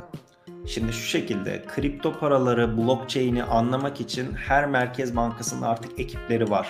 Yani bunu hem özel bankalar olsun, merkez bankalar olsun, bu iş nedir, ne değildir, biz neler yapabiliriz, dijital para konusunda, kripto paralar konusunda bu konuda araştırmalar, geliştirmeler, danışılan insanlar burada e, ciddi şekilde ekiplerin çalıştığını biliyoruz. Fakat hani gizliden gizliye alıyor mu ya da almış mıdır, almışsa hangisi almıştır bunu bilmek pek mümkün değil. Aslında bu da işin bir yandan da güzel kısmı. Mesela şeyi düşünün, MicroStrategy diyor ki sürekli işte bin tane daha aldım, 250 tane daha aldım. Fakat benim bildiğim aldığı cüz, şimdi şöyle bunu bir türlü kanıtlayabilir. Der ki bu bizim cüzdanımız, hala inanmıyoruz. O cüzdana private key'ini özel anahtarıyla o adresi imzaladığı anda biz buna okey diyebiliyoruz. Yani bunun kanıtlamasının tek şartı kendi o private key'inden özel anahtarına sahip olduğu cüzdandan Michael Saylor çıkacak. Diyecek ki al kardeşim burada 1 milyar dolarlık bitcoin var. Ben de bunu imzalıyorum. dediği anda o zaman şey riski şey kalkıyor ortadan. Herhangi bir şüphe kalkıyor. İşte merkez bankaları e, bu şekilde paylaşmayacağı için alıyorsa da onu açıkçası bilmemiz e, mümkün değil diyeyim. 2 3. arada birkaç soru daha vardı. Atlamayayım onları. Neydi? Unuttum şimdi Türkiye'nin kaçırdığı bir tren var mı demiştim. E şimdi ya olmuş olaylara bakarak geçmişe ya şimdi beni düşün hani 2013'te Hayır, yani girmişim. Şunu, aslında ben şunu soruyorum aslında. Diyorum ki hani e, ya Türkiye bu hazırlayacağı yasayla beraber veya artık şu andan itibaren e, uzak kalmayarak, daha işin içine girerek hiçbir şey kaybetmiş değil, hiçbir şeyi kaçırmış değil, ilerleyebilir diyor musun? Onu soruyorum. Şöyle, e, şöyle bu yasayla ilgili e, bir tane kendi YouTube kanalıma da video çektim. Bloomberg'e bağlandığımda oradaki yayınımı koydum. E, ben açıkçası doğru anlatamadığımızı, sektörde bu işlerle ilgilenen kişilerin bunu doğru Bravo. kişilere doğru anlatamadığımızı düşünüyorum. Çünkü şurada şöyle bir durum var. Mesela çok basit bir örnek vereyim. Türkiye'nin en büyük havayolu şirketlerini düşün. Tamam mı? Uçakları var, altyapı çalışmaları var. Yani bir aklına hayaline getir ne kadar büyük bir operasyon. Kargo kısmı var, yer hizmetlerinde çalışanlar var. En büyük havayolu şirketlerinin çok çok daha fazla kazanan sadece NFT alım satım yapılabilen platformlar var. Başında 7-8 tane gencin oldu. Milyar dolar kazanan. Yani bir yerde böyle 7-8 tane geç NFT alım satım platformu yapmış. OpenSea bu arada söylediğim, bahsettiğim site. Bir anda Türkiye'nin en büyük havayolu şirketini düşün ve ondan çok daha fazla para kazanıyor. Bu tamamen işte blockchain teknolojisinin merkeziyetsiz finans dediğimiz, DeFi dediğimiz yeni teknolojilerin yeni getirdiği bir akım. Şu anda. Türkiye'de buraya çok fazla ilgi şu şekilde var. Genelde insanlar kripto para borsalarından alım satım yaparak para kazanmayı hedefleyerek bu sektöre giriyor. Fakat özellikle ayı sezonlarında fiyatların böyle stabil seyrettiği, aşağı yönlü seyrettiği zamanlarda da yani bu 2018'de biraz bunu gördük. yazılım geliştirmek için insanlar bir merak uyandı. Ya dedi hani biz buralarda ne yapabiliriz? Çünkü işin beyaz yaka kısmında da çok ciddi miktarda para var. Şu anda İngilizce bilen biri, Solidity bilen biri, blockchain alanında bir yazılımcı evinde oturarak çok çok rahat bir şekilde inanması güç rakamlar kazanabiliyor ve direkt yurt dışına da çalışarak yurt içinde de bunu kazanabiliyor. Çünkü aranan bir kişi olmuş durumdalar. Hı-hı. Şimdi burada eğer biz merkeziyetsiz finans, NFT, metaverse kısmında buralara oluşan giden yolları yasaklayıcı bir tutum sergilersek çok ciddi fırsat kaçıyor. Buradaki fırsat gerçekten yetişmiş insan gücünün yani burada zaten hani çok fazla kişi yok. Bu ekosistemde gerçekten bir şeyleri ileri götürebilecek, build edebilecek, üzerine koyarak ilerleyebilecek zaten çok fazla kişi yok. Eğer bir yasak gelmesi durumunda e, doğal olarak bunlar yurt dışındaki şirketlere kaçacak. Maalesef, ya zaten şöyle maalesef. bir durum var. Çoğu kişinin zaten parası yurt dışında. Yurt dışı dediğim blok zinciri üzerinde. Yani bunun geri çağrılması, bu paranın Türkiye'ye akması konusunda teşvik edilmesi lazım. Öbür türlü zaten yani blockchain'de para bir yer mesela şöyle söyleyeyim en basitinden şu yani sizin soğuk cüzdanda parayı falan tutmuyorsunuz. Orada blok zinciri üzerindeki paranın harcama yetkisinin private key'ini özel anahtarını tutuyorsunuz. İnsanlar şey onun içinde atıyorum x miktar bitcoin var. Hayır yok. O bitcoinler blok zinciri üzerinde dağınık halde geziyor zaten. Sen onun harcama yetkisini tutuyorsun. Eğer bu harcama yetkisini sen Türkiye'de harcama yetkisi vermezsen o adamdaki diyor mesela şu an dünya üzerinde kripto friendly dediğimiz kripto paralarınızı getirin ev alın, otel alın, işe yatırın. Ya benim arkadaşlarım var işte noter işlemlerinde bile işte bitcoin'e bir bitcoin'e gittim şirketimi kurdum diyen arkadaşım var.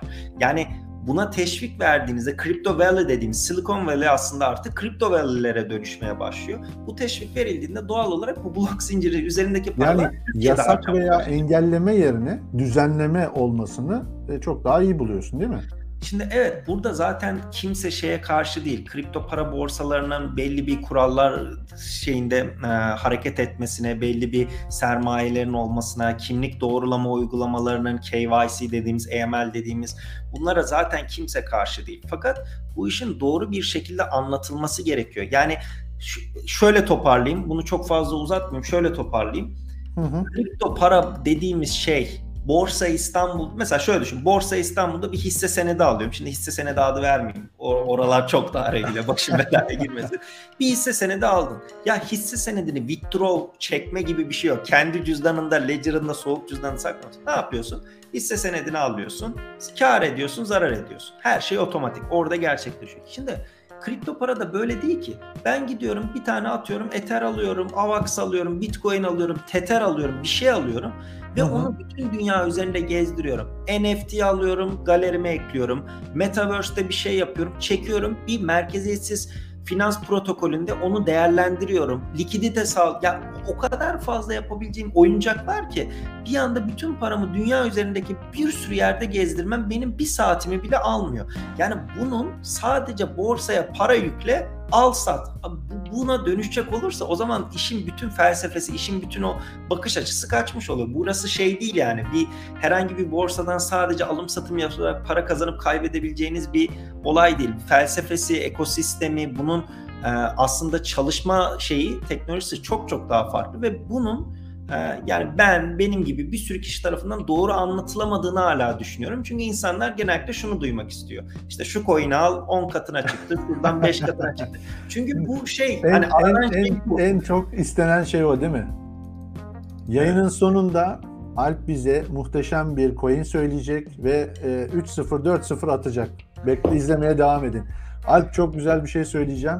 Yayınımızda e, sürpriz bir konuğumuz var yine e, kripto para en son geliyor. Ülkemizde çok değerli çalışmaları olan e, değerli hocamız e, İsmail Hakkı Polat. İsmail Hocam hoş geldin. Hoş bulduk ya. Alp ne güzel muhabbet ediyordu. Ben de onu dinliyordum valla. valla hoş geldin. İsmail Sen Hocam koltuğuyla e, geldi valla. Alamadım NFT'yi. hoş geldin. Keyifler iyi mi hocam? Vallahi iyi ya işte yoğunluk var. Alp'in söylediği hikaye işte şey Oturduğumuz yerden proje yapıyoruz sürekli. çok güzel. Çok. Vallahi. Hocam bir şey söyleyeceğim. Yarın e, senin Nayip Bukele ile e, randevun olduğu söyleniyor. Doğru mu? Bilmiyorum. Yok. Yok. Bilmiyorum. Yani e, seninle özel Yok randevu çağırdılar, istemiş. çağırdılar da işim var diye e, reddedemeyeceğim, daha doğrusu şey yapamayacağım, e, e, iptal edemeyeceğim bir e, şeyim vardı. E, neydi? E, toplantım vardı. vardı. O yüzden yok abi Peki, ne diyorsun peki. ya? Hocam şaka bir yana hakikaten bu e, El Salvador'un hani biliyorsun Hı hı. resmi para birimi ilan etmesi. e, Evet, evet. Türkiye'nin örnek alabileceği bir şeyler var mı? Yarınki bu e, ziyareti bu anlamda bir e, yani bu yönde bir anlamlandırabilir miyiz? Hani bir değer kazanıyor mu o yönde? Şimdi şöyle tabii Türkiye ile El Salvador birbiriyle karşılaştırılması çok zor e, iki ülke. Hani onu da e, hani çok şey e, hani açık bir şekilde ifa- ifade edeyim. Şimdi Türkiye hani kıyısında mıyısında ama e, G20 e, seviyesinde bir ülke ve e, gayri safi milli hasılası aşağı yukarı işte e, 700-800 milyar dolar. Tabii işte son bu döviz artışlarıyla birlikte belki biraz daha inmiştir ama e, hani büyüklüğü, çapı, coğrafyası itibariyle çok şey bir ülke. E, El Salvador ise e, hani Türkiye'nin aksine e, hani e, ekonomisi, ekonomisinin işlerliği, yurt dışına açıklığı şeyi falan son derece limitli ve e, aslında işte Alp de e, bunu şey yapmıştır, söylemiştir. E, daha çok e, yurt dışındaki gurbetçilerinin yurt içine gönderdiği e, şeylerle, e, paralarla Evet, halkını evet, evet. geçindiren e, bir şeye sahip. Dolayısıyla hani burada e, ekonomik model ve ekonomi işleyişi olarak aslında alınacak bir örnek yok. Ne için alınacak örnek var? Bir defa inovasyon için alınacak bir örnek Hı hı. var. Ya bu inovasyonu nasıl gerçekleştirdiler, nasıl şey yaptılar, e, hayata geçirdiler ve bu hayata geçirmeleri için de hangi deneyimleri elde ettiler? İşte bazılarının cüzdanları çalışmadı, e, bazılarının cüzdanlarından şey çalındı, bazı insanlar okur yazarlıktan dolayı buna itiraz ettiler. Çok benimseyenler oldu bizim gibi. Değil mi? Hani e, Alp zaten onlara aşinadır işte. Starbucks'a gittiğinde çat diye çıkartıyorsun şeyini. E, kripto para cüzdanını pat diye ödüyorsun falan filan. Alp gerçi onları dolaştığı yerlerde ATM'lerden yap videoya koyuyor ama Evet, Ee, hani- evet. Alp, Alp zaten e, dünyayı kripto parayla dolaşan hani dünyadaki Tabii. nadir insanlardan biridir. Van yani. dolaşacaktık işte pandemi patladı. Şimdi işte o yüzden e, bu deneyimler önemli. E, öte yandan şöyle bir şey var. E, tabii e, şimdi buradaki en büyük sıkıntılardan bir tanesi e, El Salvador e, şu anda hani ülkenin e, altyapısını yenilemek artı ülkenin e, kalkınmasını sağlamak için e, şeye ihtiyacı var. E, krediye ya da paraya ihtiyacı var. Fakat e, böyle bir kredi ya da parayı e, hani bulamıyor. Bulamamasının nedeni şu. Hem e, şey bir pazar, küçük bir pazar. Hani yeterince yatırımcıların çok e, ilgisini çek, çekmeyecek bir pazar.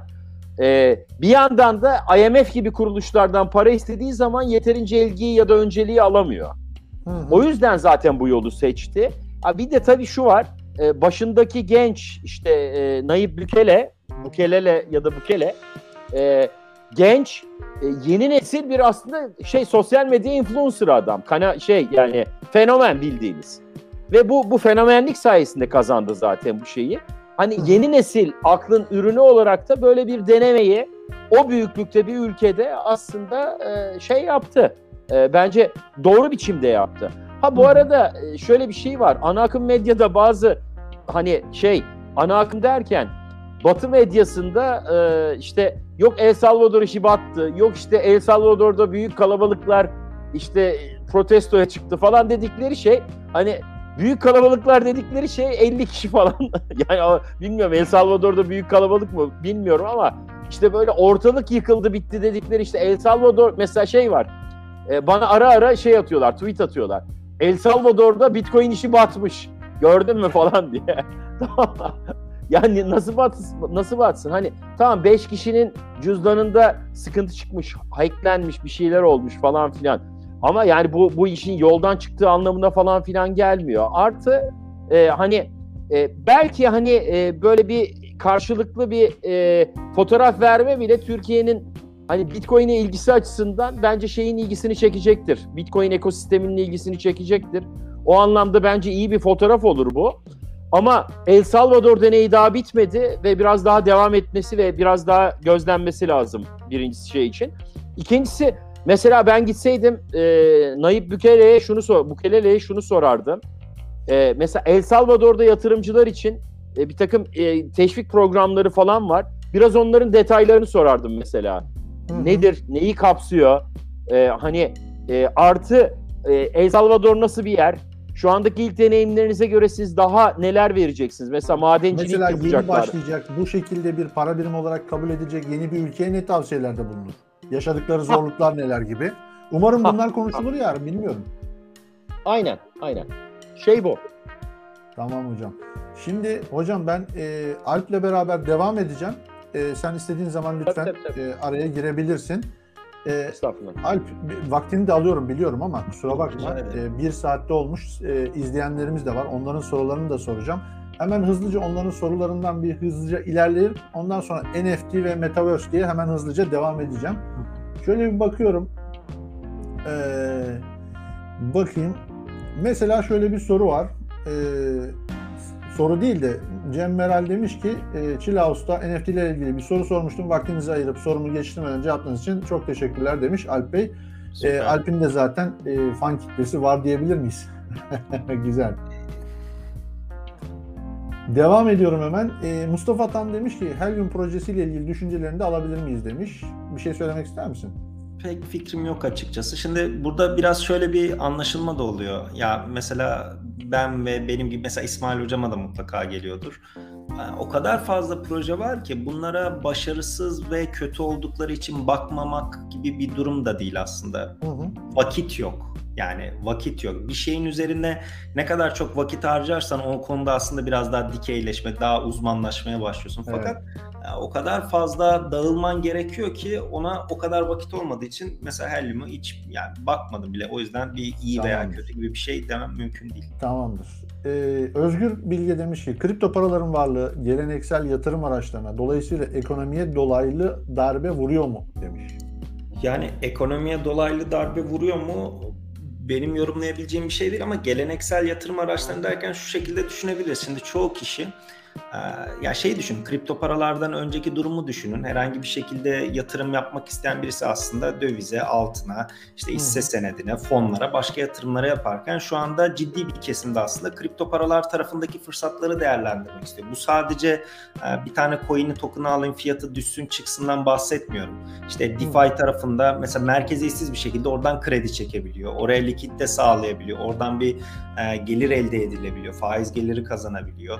Onun dışında işte ne bileyim mesela işte %2-3 kazanabileceği yatırım araçları varken gidip çok daha belki risk alıp işte kripto paralar cephesinde mesela NFT alım satımı yapmaya çalışıyor. Yeni fırsatları değerlendirmeye çalışıyor. Şu an görüyoruz işte Metaverse ile birlikte çoğu kişi aslında ya işte ben bunu geçen de yayınımda anlatmıştım. İşte Bitcoin diye bir şey var. Zamanında birileri bunu erkenden öğrenmiş. İşte Süper. bu konuda bir şeyler yapmış ama Metaverse Hani biz bunu kaçırdık. şeyi şu an işte. DeFi geldi. DeFi'ye ilk başta ya böyle gelen merkeziyetsiz finans mı olur? İşte banka olmadan bankacılık işlemi mi yapılır diye eleştirip işte bu Ponzi'dir, şudur budur deyip bir süre yine aynı Bitcoin'in ilk baştaki eleştirileri yapıp bunu kaçıranlar oldu.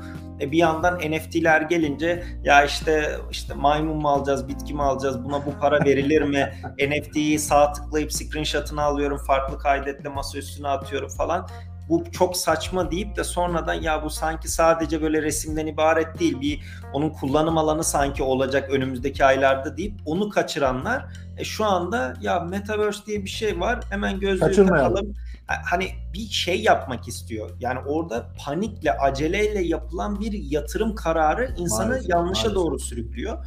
Ee, Ben de işte geçen Hürriyet'e bir röportaj vermiştim. Orada da bunu biraz daha detaylı açıklamaya çalıştım. Yani burada panikle hızlı alınan kararlar bir şeyi kaçırıyorum. Yeni bir aslında burada bir şeyi kaçırıyorumdan sıkıntı şu da değil. Herhangi bir coin fiyatı bugün biri düşer, yarın bir başkası çıkar. O çok sorun değil. Ama trendi kaçırmak insanları çok yoruyor. Yani Ya bu biraz da şey değil mi? Hani bundan bir 5 yıl önce atıyorum e, 3000 dolardan sallıyorum. e, Bitcoin almış insanların e, günümüzde zengin olarak addedilmesiyle alakalı da bir şey. O, şekilde insanlar çok çıktı biliyorsun. E, bu e, reklamlarda, Instagram'da, YouTube'da orada burada çok da pompalanıyor. İşte zamanında 10 dolara Bitcoin almıştı. Şimdi işte dünya zengini falan filan diye. İnsanlar da bu işin başında, Metaverse denilen kavramın başında e, hani bir şekilde bir yatırım yapayım da bundan bir 5 yıl sonra parayı vururum hesabıyla e, Şimdi- bir saldırma durumu var. Ya şöyle düşün. Mesela İsmail hocam şeyi anlatsın işte. Yani şimdi Bitcoin'i 3000 dolardan alıp 60 bin dolara satıp işte şu kadar para kazandım çok önemli değil. Orada mesela güzel şey DeFi tarafında mesela merkeziyetsiz finans tarafında işte Uniswap diye bir tane merkeziyetsiz borsa var. Hı hı. Onu mesela İsmail hocam işte ders anlatırken Tansel hocamla sanırım insanlara anlatıp o Uniswap'ın bir sene sonra belki airdrop'la kendi token çıkarıp bir kere bile kullananlara onu vermesiyle birlikte ve bunun gibi 5 tane 6 tane platformla yüz binlerce dolar kazanan Z kuşağı genç tanıyorum ben. Yani gerçekten 100 bin dolardan fazla kazanan sadece airdroplarla. Airdrop dediğimiz şey de aslında şundan yapıyor. Kimse para kazanacağını bilmiyordu. Orada ne yaptı? Bir şeyi deneyelim. Ya bir 5 dolar, 10 dolar da olsa deneyelim. Buna vakit ayıralım, öğrenelim, kullanalım, bir şekilde içerisinde bulunalım diyen herkesi DeFi tarafında mesela ödüllendirildi. Bunu projeler kendi tokenlarıyla da yaptılar, airdrop'la da yaptı. Ama şöyle bir durum oldu. Şu an o bir yatırımı, o zaman yatırımını yapan kişiler şu anki NFT ve Metaverse kavramını da çok daha rahat anlayabiliyor. Çünkü yeterince artık bu ekosistemin içine girmiş. Merkezi borsaları kullanmayı bildiği kadar işte Metamask olsun, başka cüzdanlar olsun merkeziyetsiz tarafı da kullanmayı öğrendikleri için bu kişiler biraz daha sakin karar verebiliyor. Yatırımlarını daha doğru yönlendirebiliyor diyebilirim. Peki devam ediyorum ben. Kendi ağında çok fazla dep olan Sol, BNB, AVAX veya üstünde çok fazla dep olmasa da eee Near Phantom One gibi coinler piyasadan birkaç yıl içinde yok olsa bile bu süre nasıl işler? Şimdi şöyle e, BNB tarafındaki e, şey Binance Smart Chain'le aslında çok fazla insanın dikkatini çekti. O zaman Ethereum ağıyla birlikte aslında insanlar biraz daha ucuz yollu ama merkeziyetsiz kavramı orada çok fazla o kısmı umursamayan kişiler aslında Binance Smart Chain'le birlikte bu işlere DeFi kısmına ciddi şekilde yoğun ilgi gösterdi ve BNB fiyatı da yani çok ciddi şekilde burada bir artış yaşamıştı. Ya Benim deneyimim açıkçası orada Phantom'da, Near'da bir Solano'da herhangi yaptığım bir şey yok. Ama mesela geçen de tweet attım. Yani Avalanche'da Node çalıştırıyorum ve o konuda yani sürekli araştırma yapıyorum şeklinde. Çünkü biraz da o şeyden de kaynaklanıyor. Yani Muhabbet Kapital'de yatırım yaptığımız projeler işte Aytunç'la birlikte de çalışmamızdan dolayı oradaki Avalanche projeleri de önüme geldiği için mecburen buna bir zaman yatırımı yapmam gerekiyor. Araştırmam gerekiyor. Çünkü Hı hı. şu unutulmasın. Ee, Bütün projeler işte Avalanche üzerinde, Solana üzerinde, diğerleri üzerinde çalışması, teknolojinin iyi olması, projenin iyi olacağı anlamına gelmiyor. Binance Smart Chain üzerindeki projelere bakın. Kaç tanesinin işte mayın tarlasına döndüğünü, kaç tanesinin başarılı olduğunu. Bu aynısı Ethereum'da da var, Avalanche'da da var, Solana'da da var. Ethereum'daki bütün iyi projeler e, şey mi? Bütün kötü projelerden Vitalik mi sorumlu? Yani değil. Mesela bir tane proje hackleniyor. Vitalik'in fotoğrafını koyuyorlar. Aynı şey mesela Avalanche tarafında da Emin Hoca'nın fotoğrafını koymuşlardı.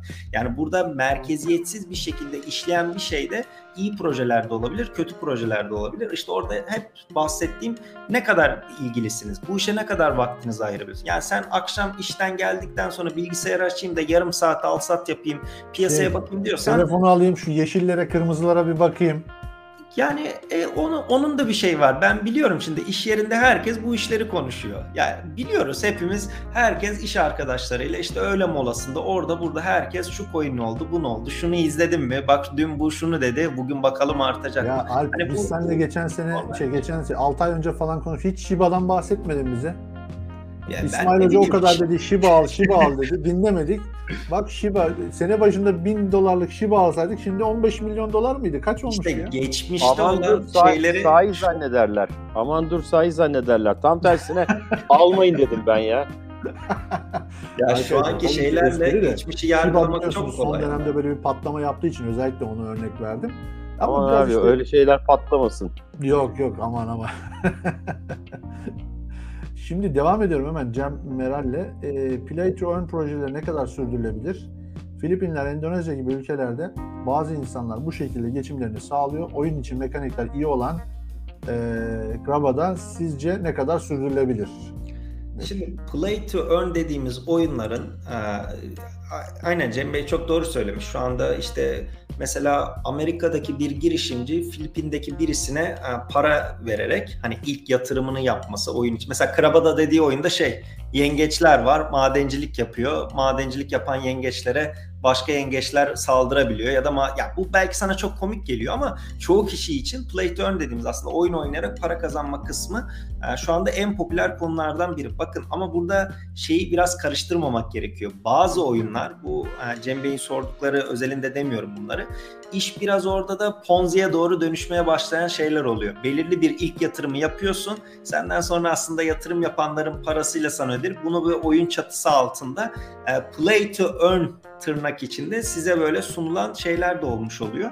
Yani bunun hangisinin böyle hangisinin değil olduğunu aslında biraz da yani işin içerisine girince anlayabiliyorsunuz. Ama çoğu kişi şey sanıyor.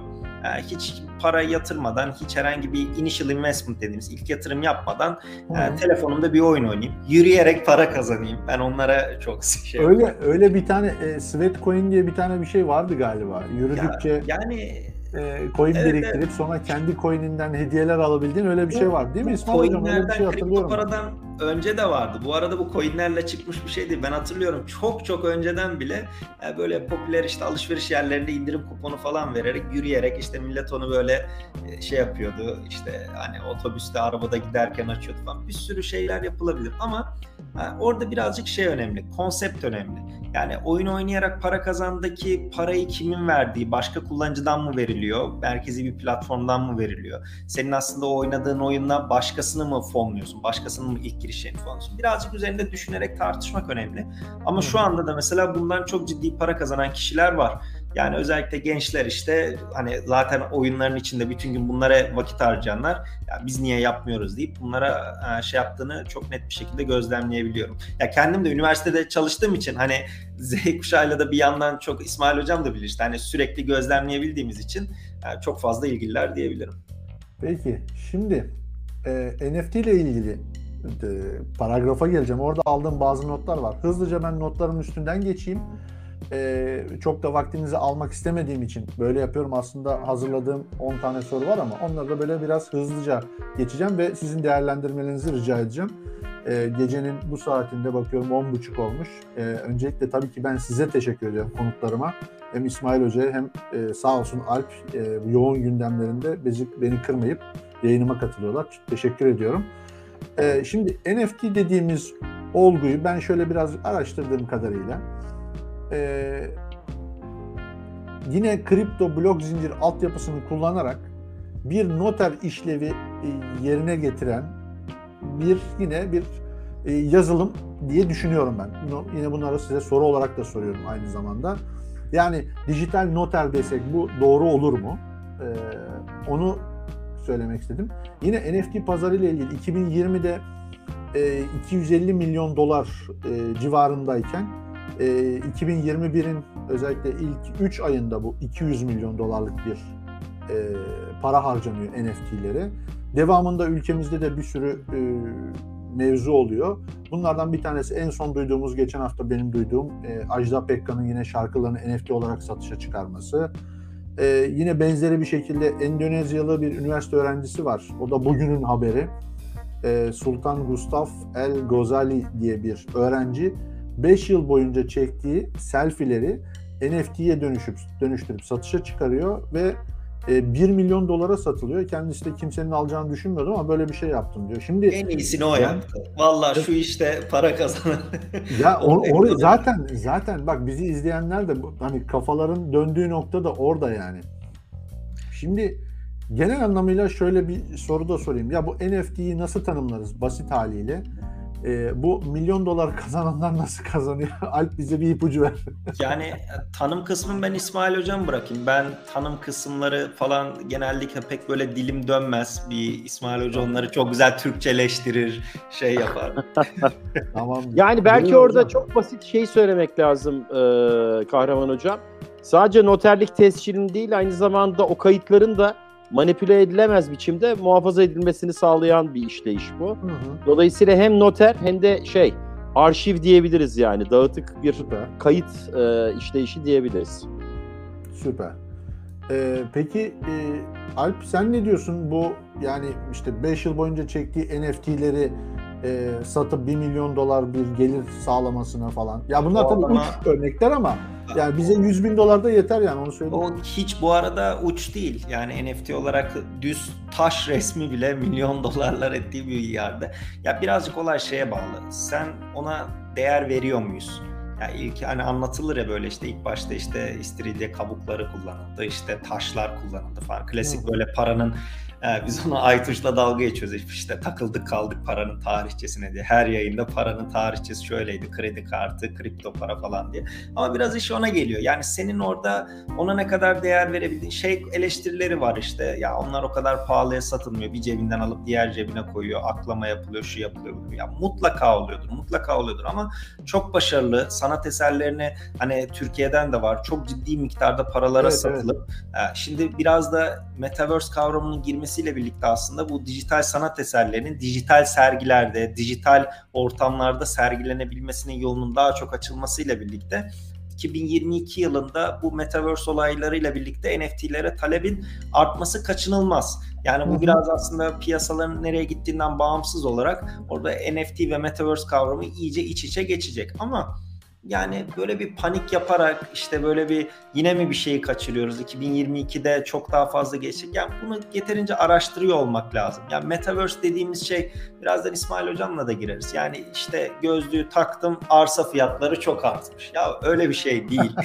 yani ben baya böyle paylaşımlar falan görüyorum. Bak arkamda var işte Oculus'un aslında bir de vardı, iki de vardı. Ondan önce başka gözlükleri de bir tane arkadaşım vardı çok ilgili. Onun sayesinde e, işin içerisindeydim. Eşim yüksek lisans tezini VR ve AR üzerine yapıyor. Sürekli bizim evde bir şey var. Böyle şarja takıyoruz, alıyoruz falan. Yani gündemimde olan bir şey ama ben daha bir kanepeye şöyle İsmail hocam gibi koltuğa oturup da gözlüğü takıp ya kelepir bebekten arsa alalım işte taksim. Çok Yani ya. Böyle bir, böyle bir durum Ben yaşanmıyor. de tam Böyle öyle bir- yapıyorum. öyle bir panikle yaptığım bir yatırım yok yani Metaverse kısmında. Çünkü genelde yani şu anda yazılım çok daha önden gidiyor. Yani donanım bunu zaten mesela herkes şey diyor Facebook adını Meta olarak değiştirdi. Mark Zuckerberg sunum yaptı. Ya sunumu izlediniz mi? Sunumu bir buçuk saatlik sunumu çoğu kişi izlememiş. Yani not alarak iki defa izlediğimde bayağı adam şey diyor yani önümüzdeki 3-5 yıl önünde olacak. Mesela şey var sunumda İsmail hocamın şu anki gözündeki gözlük gibi gözlük var takıyor hop bambaşka ofiste. Ya yok bu da yok şey var. Facebook'un Horizon Beta'yı çıkardı. Yükledim işte Oculus 2'ye yükledim. Takıyorsun. Yani şimdi bak şey konusuna kimse herhalde eleştirmiyor. Mesela biz bir tarih dersini gözümüze taksak ne bileyim işte Sultanahmet'in yapıldığı anı böyle sen şey olarak görsen hani Ya bu Metaverse'de- Metaverse dediğimizi şu an ekrana koydum. Herkes böyle bir şey zannediyor. Ya Onu da söyleyeyim. Bu, bu değil. Yani şöyle söyleyeyim sana. İşte mesela mimari çok popüler mimari eserler yapılırken onu böyle canlı time lapse olarak görebilsen. Ne bileyim ya da işte dinozorları falan böyle tarih dersinde anlatırken gözlükle oraya gitsek. İşte bir Roma anlatılırken ne bileyim kolezyumun içine girsek. Bunun bu şekilde içerikle beslenmesi gerekiyor. Öbür türlü Facebook'un Horizon'da da öyle. Avatarlarımız var. Zaten genelde şey kafanın üst, göğsün üstü var. Ayak yok, kol yok, bacak yok. Evet. Gidiyorsun evet. oradan oraya koşturuyorsun. Zaten bunu senelerdir oyun oynayan kişiler evet bu ne diyor? Bu diyor bizim zaten yaptığımız. Bir de şey gözden kaçırılıyor. Yani biz de onu birkaç defa denemiştik. Ya ofisi oraya taşımak eğer böyle çok kritik bir şey yapmıyorsa adamı yoruyor. Yani Zoom Zoom zaten yoruyor. Hani bu olay zaten böyle yoruyor. Ona bir de şeye geçmek Metaverse'de mesela Microsoft şöyle bir şey yapmış. Alt Space VR Microsoft'un ee, Alt Space VR'ı bu arada deneyebilirsiniz. Ücretsiz, bedava, bilgisayarda da çalışıyor, gözlük takarak da çalışıyor. Mesela buna yatırım yapmak yerine şey yapmış. Teams var ya uygulaması. Onda mesela sen demiş işte evden bir yayına bağlanırken işte iş yerine Zoom'dan katılırken üstüne başına dikkat etmen gerekmesin sakalına saçına avatarınla katıl. Ya tamam katıl da bir süre sonra o sıkıcı oluyor. Bir de gözlüğü takıyorsun bir saat sonra şarjı bitiyor. Yani bir saat, bir buçuk saat sonra şarjı bitiyor. Şimdi mesela şu ekranda gösterdiğin şöyle bir şey var. İşte yoga sınıfları falan var. Gözlüğü takıyorsun bomboş dünyanın Hı. manzarasında yoga yapıyorsun. İşte bir tane şeye gidiyorsun. İlk başta güzel geliyor da mesela ben işte 3D printer var şey bastım. Oculus'un arkasına power bank'i koyabileceğim aparat bastım. Gidiyorum kafamın arkasında power bank var. Şarja takıyorum oradan kafamı. E, ne oluyor? Ağır, gözün sıkılıyor. Yani bir süre sonra şey yapıyor, yapıyorsun. Hani insanın yorucu olduğu anlaşılıyor. Ama çoğu kişi yine bir panikle hemen bir Oculus alalım, tarla fiyatları artmış, arsalar artmış falan şeklinde. Ama şey keyifli yani ilk defa özellikle ilk böyle deneyimleyen insanlar mesela ben burada şeyi çok denemeye çalıştım. İşte buradaki fitness uygulamalarını denemeye çalıştım. İşte ölçümler yaptık eşimin tezi için işte saatle oksijen ne kadar işte kan nabız falan böyle biraz hani ufak tefek bilimsel bir şeyler yapmaya çalıştık. İşte onun dışında mesela toplantı uygulamalarının hepsini denemeye çalıştık. Oyun mesela keyifli. Oyunun keyifli olmadığını söylemek mümkün değil. Gerçekten arkadaşınla birlikte oyun oynadığında e, iTunes'ta falan böyle bayağı oynamıştık işte. Yani oldukça oldukça keyifli. Fakat hani tarla alma, metaverse'te bir şeye yatırım yapma ya da metaverse'te işte konser vereyim onu izleyeyim. Evet bunlar hep hayatımızda olacak. Olmayacak de, diyen kesinlikle yanılıyor ama şu an yazılım çok daha önde. Donanımın en az 1-2 senesi belki daha fazlası var. Çünkü çoğu kişi için e, bir tek gözüne 4K 60 FPS veremediği sürece baş dönmesi işte bazı kişiler 10 dakika bile dayanamıyor. Biraz bu çözünürlükle alakalı, biraz şeyle alakalı. Bazı insanlarda direkt işte VR sickness dediğimiz bir olay oluyor. Midesi bulanıyor falan.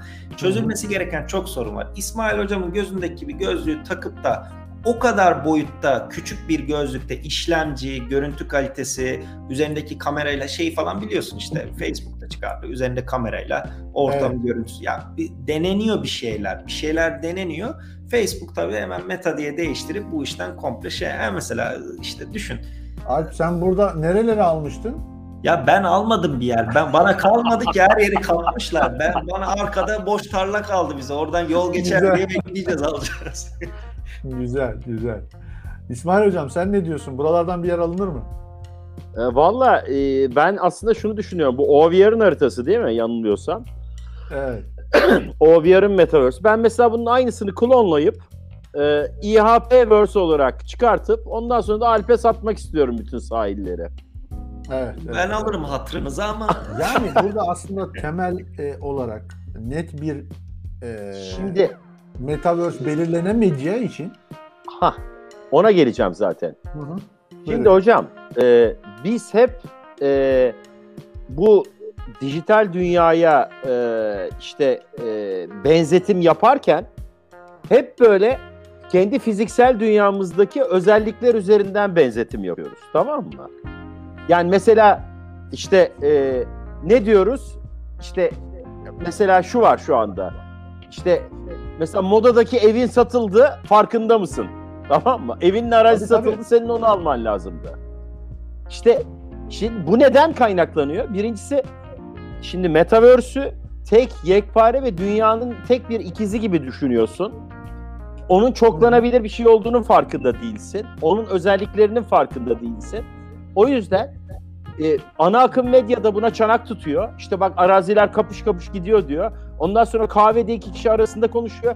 Abi diyor bizim modadaki işte Kadıköy'deki evi satmışlar diyor. Evin arazisini satmışlar diyor. Hadi bakalım başımıza bela e, şey yaptı diyor. Hani bu Alp, Alp'in meşhur şeyi vardı. Daha doğrusu Aytunç'un e, şey hani pandemi zamanında kahvede e, şeyde e, neydi dürümcüde konuşan dayılar vardı. Atom konuşan dayılar vardı. o onun muhabbeti gibi bir şey bu. Şimdi e, bir de bu işin aslında e, hani ana akım medyanın özellikle bu konuda yaptığı bu tarz e, şeyler kendilerinin de cehaletini ortaya koyan bu tarz yayınlar aslında Metaverse olayını da insanların kafasında bir sadece bir sanal arazi satışına indirgiyor ve başka şeyler geldiği zaman aslında bizim farklı farklı şeyler konuşmamız lazım. Yani buradaki mesela eğitimi konuşmamız lazım burada. Şu anda eğitimde bakın şöyle ilginç bir şey var. Ee, pandemiden sonra bizim üniversitede yüz yüze eğitim başladı. Şu anda birkaç üniversiteyle daha konuşuyorum. İşte kızımın üniversitesi var, başka üniversiteler var falan filan. Bütün buralardaki şeylere baktığımızda şunu görüyoruz. e, ilk dönem mesela öğrenciden üçte ikisi gelmedi. Yüzde Evet. eğitim vardı. Hani herkes Evet. diyordu ki sınıftaki eğitimi özledik bilmem ne falan filan. Niye gelmiyorlar? Birkaç nedenden ötürü gelmiyorlar. Birincisi şimdi çıktığı zaman acayip bir trafik var. Trafik olmadığı zaman acayip bir şey var. Ulaşım masrafı var. Acayip bir İstanbul'a gelemiyor öğrenciler. Bırak şeyi ailesinin evinde oturup anca şey yapabiliyor. E, bu eğitime katılabiliyor. Hı hı. E, dolayısıyla bütün buralarda aslında e, hani zaman mekan bağımsızlığı, ekonomik elverişlilik şudur budur falan filan öğrencileri online eğitimle ilişkisini kesmemeye zorluyor. Anlatabiliyor muyum? Ya da bazıları da diyor ki abi ben zaten hani gidip sınıfta uyuyordum mesela. E, şu anda da şeyde uyuyorum, ekran başında uyuyorum. Ya da şunu söylüyor. Mesela bizim hocalarla tartıştığımız şey öğrenciler yeterince dikkatli dinlemiyor. E sınıfta oturttuğunda, sınıfa hapsettiğinde çok mu dikkatli dinliyordu? Ya da işte biz yeterince aslında ilginç bir ders mi veriyoruz yoksa çok sıkıcı bir ders veriyoruz?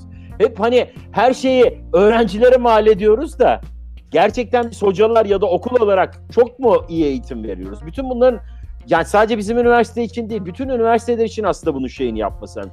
Peki ne yapmak lazım bu deneyimi arttırmak için?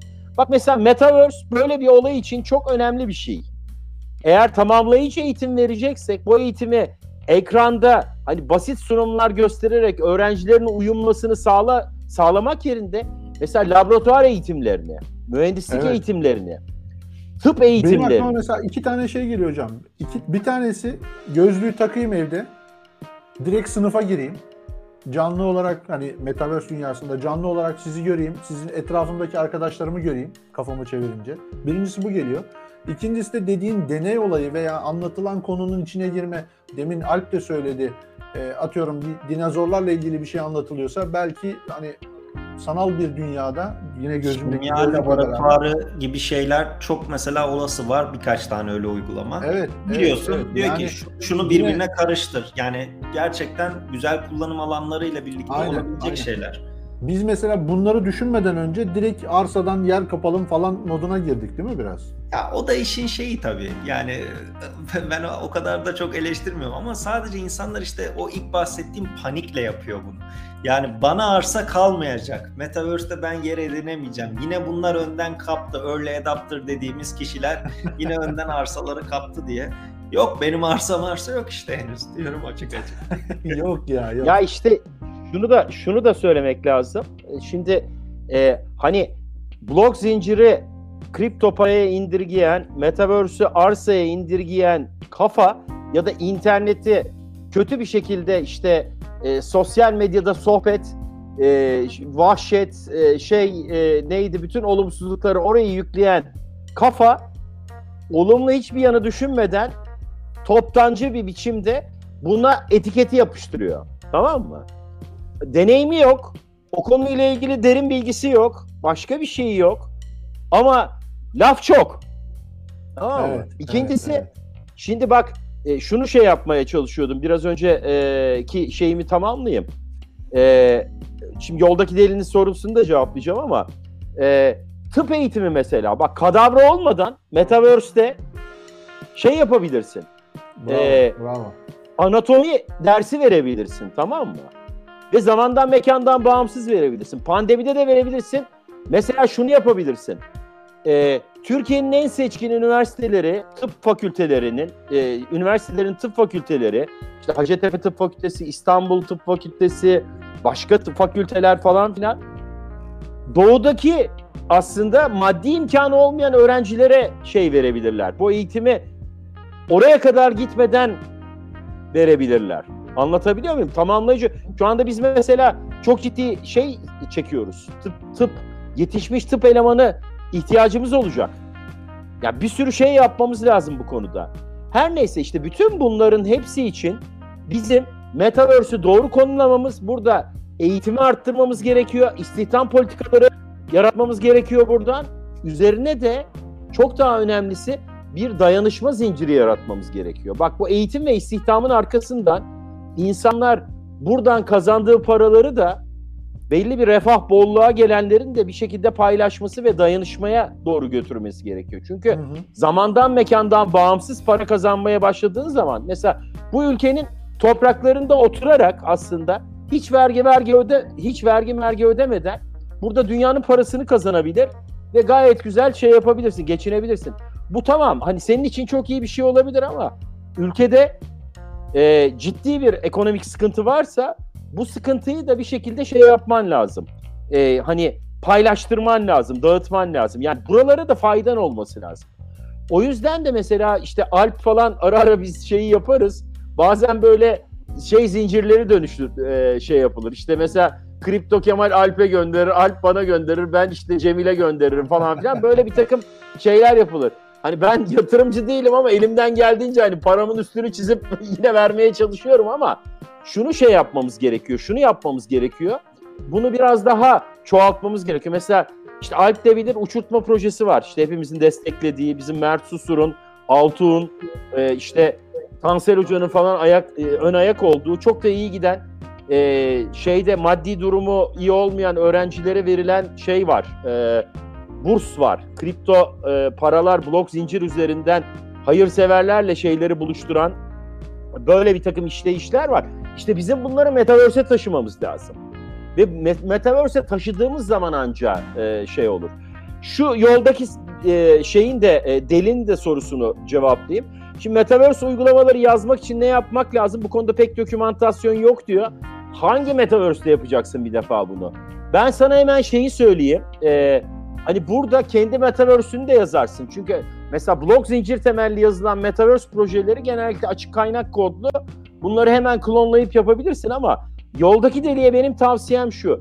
Dünyadaki en büyük metaverse uygulamasını muhtemelen Facebook geliştirecek. Hmm. Facebook bunu açık kaynak mı yapacak, kapalı mı yapacak ya da API'lerle mi yapacak? Nasıl yapacak? buradaki standartlara bakıp Facebook'un nasıl dokümantasyon hazırladığına bakıp herhalde herkes ilk deneyimi şeyden yapacak. Facebook üzerinde geliştirerek yapacak gibi geliyor. Daha doğrusu Çünkü bir, bir e, standartizasyon getirecek gibi Facebook. Yani ha, yapabilirse. Ha işte o standartizasyonu da gateway'leriyle işte e, Alp'in şey e, sol kolunun arkasında duran Oculus'un mesela e, şeyleri geçiş noktalarını geliştirmesi olacak. Oradaki ortamı hı hı. işte e, canlandırması olacak. Onun bir sürü hani internet sitesi gibi front-end'i, back-end'i, arka tarafta engine'i falan Alpen'den çok daha iyi bilir o şeyi. Ama işte bunun da bir full stack developer'ları olacak herhalde. Şöyle. Ee, buradaki yazılım şey pardon kullanıcı deneyimi falan filan bütün buralardaki dokümantasyonu ve şeyi gelişti. API'yi beklemek lazım bence. Oculus'un, Alp daha iyi bilir onu. Aynen Oculus'un VR geliştiriciler için hazırladığı aslında dokümanlar falan oldukça detaylı ama biraz da onun Facebook'un satın almasının da rolü var. Yani çünkü oraya para ciddi şekilde mesela şöyle düşünün. Ben mesela 3 boyutlu yazılarla işte 2015'ten beri ilgileniyorum. Hani galiba 3 veya 4 tane yazıcım oldu. Kullandım, buna emek harcadım, vakit harcadım. Bence ben şöyle düşünüyordum mesela 2017 18'e bile kalmadan yani ne bileyim bir iPad fiyatına herkes evine bu yazıcılardan alacak gibi düşünüyordum. Şimdi orada o kadar daha yaygınlaşmayıp biraz daha böyle e, sanayiye, kurumsal tarafa gitmesinin sebebi oraya para akmadı.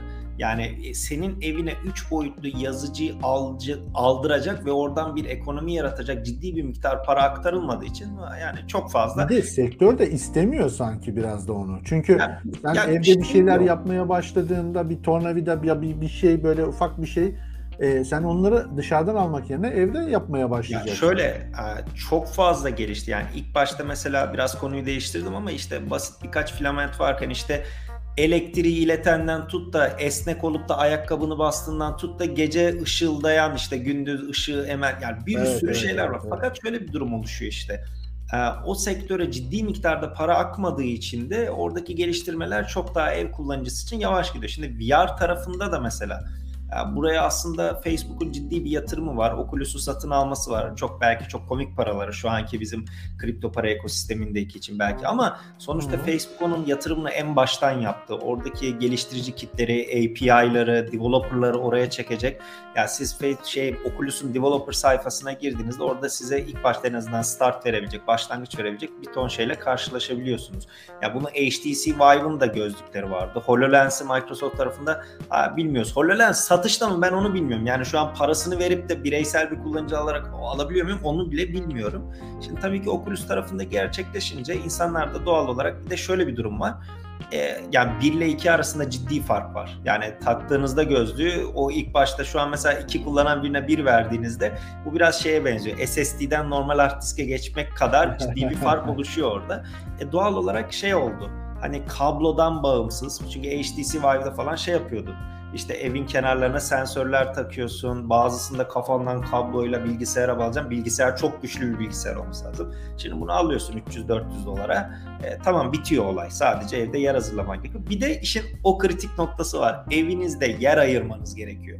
Oturarak koltukta etkileşime girebileceğiniz uygulamalar ve oyunlar çok sınırlı.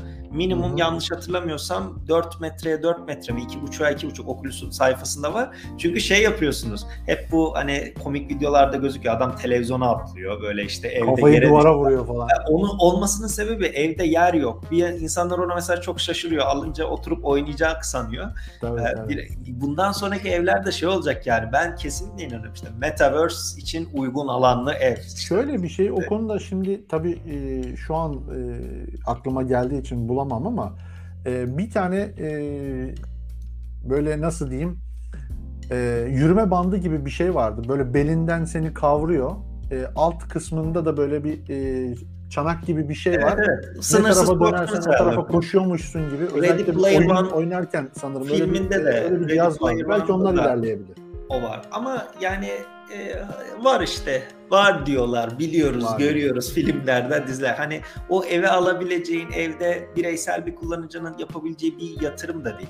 Oculus'ta yalnız şey çok güzel öndeki kameralara yeni gelen update ile birlikte şöyle ekrana iki defa dokununca yana dış kameraları açıp eğer özelliğiyle de ufak tefek uygulamalar geldi. Bir de parmakları tanıma çok önceden gelmişti. Hı hı. Mesela onunla şey var piyano akıyor sen gidiyorsun parmaklarını hiç kontrolcü bile olmadan şey yapabiliyorsun. Piyano çalabiliyorsun. Şimdi mesela yeni şey geldi. Hepimiz şey yapmışızdır ya kalemlerle böyle bateri çalmışızdır. Masaya vurmuşuzdur böyle, böyle bir şey yapmışızdır. Mesela onu şeye getirdiler.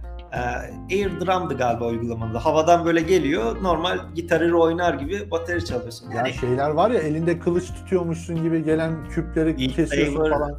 Beat Saber en popüleri. Onu YouTube'da falan onunla içerik üretip de çok popüler olan kişiler var baya. Ama Güzel. işte şey yani oyun var, fitness var, eğitim var, her şey var. Bir arsayı göremedim ben. Yani bir, her şeyi denedik de. Her şeyde tamamız bir arsayı yakalayamadık değil mi? Bir arsayı yakalayamadık. Tamam. Başta. Şimdi e, sizleri de çok fazla tutmadan son iki konuyla hemen e, yavaş yavaş nihayete ereceğiz. Şimdi e, yeni yasa hazırlanıyor biliyorsunuz. E, bizi izleyenler de onu merak ediyorlardır. E, yeni yasayla ilgili benim aklımda e, size sorabileceğim birkaç şeyden bir tanesi şu. Nasıl bir düzenleme bekliyorsunuz? Nasıl bir düzenleme olmalı sizce? E, ve vergiyle alakalı kısımlarda kulağınıza gelen, sızan bir şeyler var mı diye e, İsmail Hoca ile başlayayım. Şimdi e, beklediğimizden sert bir düzenleme bekliyorum. İnşallah olmaz Öyle diyorum. E, evet. E, olması gereken şeyin öncelikle ihtiyacı saptamak artık ona e, ve e, öncelikle ihtiyacı saptamak daha sonra da ona yönelik bir çözüm olabilecek bir düzenleme olması gerekiyor. Ama maalesef bizim Türkiye'de böyle olmaz. Dolayısıyla hani ihtiyaçla çözüm değil, e, tam tersine e, kafamızda ne varsa e, ya da duyduğumuz e, e, şeyler e, neydi? E, ön kabuller ne varsa ona göre yapılır. Yani ön kabul ne? İşte kripto e, paralarla yurt dışına para kaçırılıyor. Tamam mı? Bir tane ön, ön yargı bu. Halbuki yani zaten ben tam en, en büyük eleştiri bu değil mi hocam? Pa- ben tam tersi ben tam tersini falan. söyleyeyim. Ben tam tersini söyleyeyim. Ee, tam tersine Türkiye'deki rakamlara baktığımızda gerek yerel borsalar, gerek yabancı borsalar, e, daha doğrusu alım satım platformları üzerinden Türkiye'ye para akıyor. Net söyleyebilirim bunu. Türkiye'ye para akıyor bak. Çok ciddi şey yapıyorum, söylüyorum. Artı bırakın bizim yerel yatırımcıların şeyini e, yabancı yatırımcıyı çekebilecek yani e, yerli yatırımcıyı yurt dışına kaçıracak düzenleme yapacaklar şu anda. Yani Oo. yapılacak düzenleme sert olacak ve yerli yatırımcıyı yurt dışına kaçıracaklar. Bak yerli borsalar bile boşalacak. Ben böyle şey yapıyorum.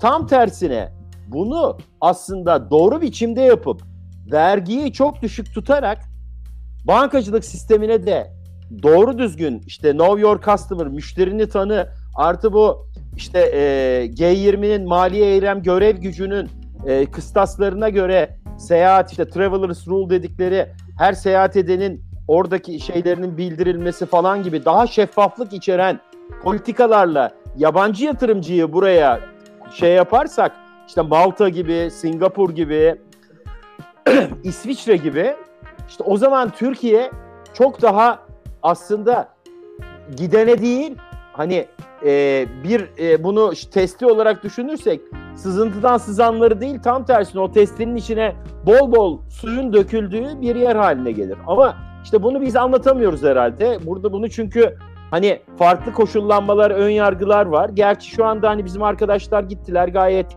e, bence olumlu görüşmeler oldu. Ama ben yine de son kertede sert bir düzenleme bekliyorum ve hani bu, bunun da insanları kaçırabil e, şey hem yatırımcıları hem de yatırımcıların ötesinde merkezsiz e, finans, NFT, işte metaverse gibi olguları da en baştan yapacakları tanımların sınırlayıcılığı nedeniyle buradaki bütün ekosistemi de dışarıya kaçırabil, ka- kaçırabilecek bir risk görüyorum şeyde. Ve buradaki yazılımcıları, developerları kaçırmasak bile Türkiye'deki projeleri değil, yurt dışındaki projelere angaje ettirirsek bu internet üzerinden yandı gülüm keten elba. Türkiye'deki şeylerin bile e, hani sanayi kuruluşların bile yazılımcılarını yurt dışına gidip e, bu o kuruluşların, o sanayi kuruluşlarının işlerinin aksayacağı bir döneme gireceğimizi düşünüyorum bu yüzden. Vay be hocam, Vergi kadar, falan da- e, bu kadar sert e, beklemiyordum ben açıkçası ama e, ben şaşırdım yani senin bu fikirlerine. Şöyle e, şu andaki görüşmeler iyi gidiyor şey yapıyor ama hani bir şekilde bunun son anda e, verilecek ö- önergelerle şunlarla bunlarla falan filan bir şekilde şey yapılmayacağını düşünüyorum ben. Yani sert çıkacağını Hatta düşünüyorum. bir ara, geçen hafta mı iki hafta önce mi bayağı bir kişi işte toplantıya çağrıldı, fikirleri soruldu değil mi? Evet evet. Aslında orada da bence gayet iyi anlattılar ve anlaşıldı diye düşünüyorum. Fakat Hı hı. burada bankacılık sistemi var, devlet bürokrasisi var, şey var. Bütün bunların hepsine ben e, bütün bizim mesajların doğru gittiğine inanmıyorum. Doğru gittiğine Hı. inanmadığım için de mutlaka oralardaki çekincelerin bir şekilde hani tırnak içinde çekincelerin ve geleneksel sistemi koruma güdüsünün bir şekilde şey yapacağını, galip Baskın geleceğini o yüzden de hani bizim beklediğimizden sert bir şey geleceğini düşünüyorum. Şu andaki ilk ilk yasada da bu ilk düzenlemede de vergi falan olacağını zannetmiyorum. Çünkü vergi olursa e, o yasa daha çıkmadan herkes e, direkt dışarıya gider. O yüzden de e, hani biraz daha orada e, şey olacağını düşünüyorum. Burada belki tek bir şey var. E, hani e, kulağıma gelen ve olumlu olacağını düşündüğüm e, bu security token offering dediğimiz e, işte kripto para e, geliştirmelerin token e, arzlarının e, şey olacağını düşünüyorum. E, neydi? E, onu onlarla ilgili hiç beklemediğimiz sürpriz güzel e, şeyler olacağını düşünüyorum. Ama işte e, yatırımcıların arasında bunlar galiba arada kaynayacak gibi geliyor bana. Uzun vadede anlaşılacak bunlar. Anladım. Alp sen ne diyorsun? Vallahi İsmail hocamın e, kulağına gelir her şey. İsmail hocam Yok bir yok şey ama hiç, Hiç öyle bir şey yok. Tamamen hissi şey yapıyorum, e, konuşuyorum Ya. bunu. Ben şöyle söyleyeyim aslında yayının başında fikirlerimi söyledim. Hani bu konu hakkında da bir 20 dakikalık bir video hazırladım. Hani çok fazla ekleyebileceğim bir şey yok. Ben ilk başta borsalar açısından borsadaki kullanıcıların borsa, kripto para alım satım platformları açılması, bunların belli bir kurala bağlanması, bunların denetlenmesi, buradaki kullanıcıların kimlikle verilerinin e, daha böyle banka seviyesinde tutulması, banka seviyesindeki KYC yapılması. Buralardan başlayıp yavaş yavaş ısındıktan sonra hani kademe kademe bir şeylerin ekleneceğini düşünüyorum. En baştan böyle çok sert bir düzenlemeyle biraz şey anlaşıldı gibi gözüküyor. E, para yurt dışına kaçıyor kısmından.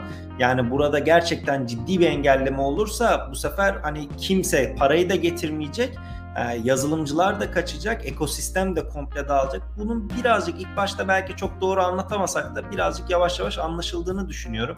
Hı hı. Ama açıkçası hani çok da öyle e, bir yere gitmedim de hani bir şey benim takım elbisem de yok öyle bir hani şey de yapmadım. Beni çağırmadılar de- diyorsun yani. de.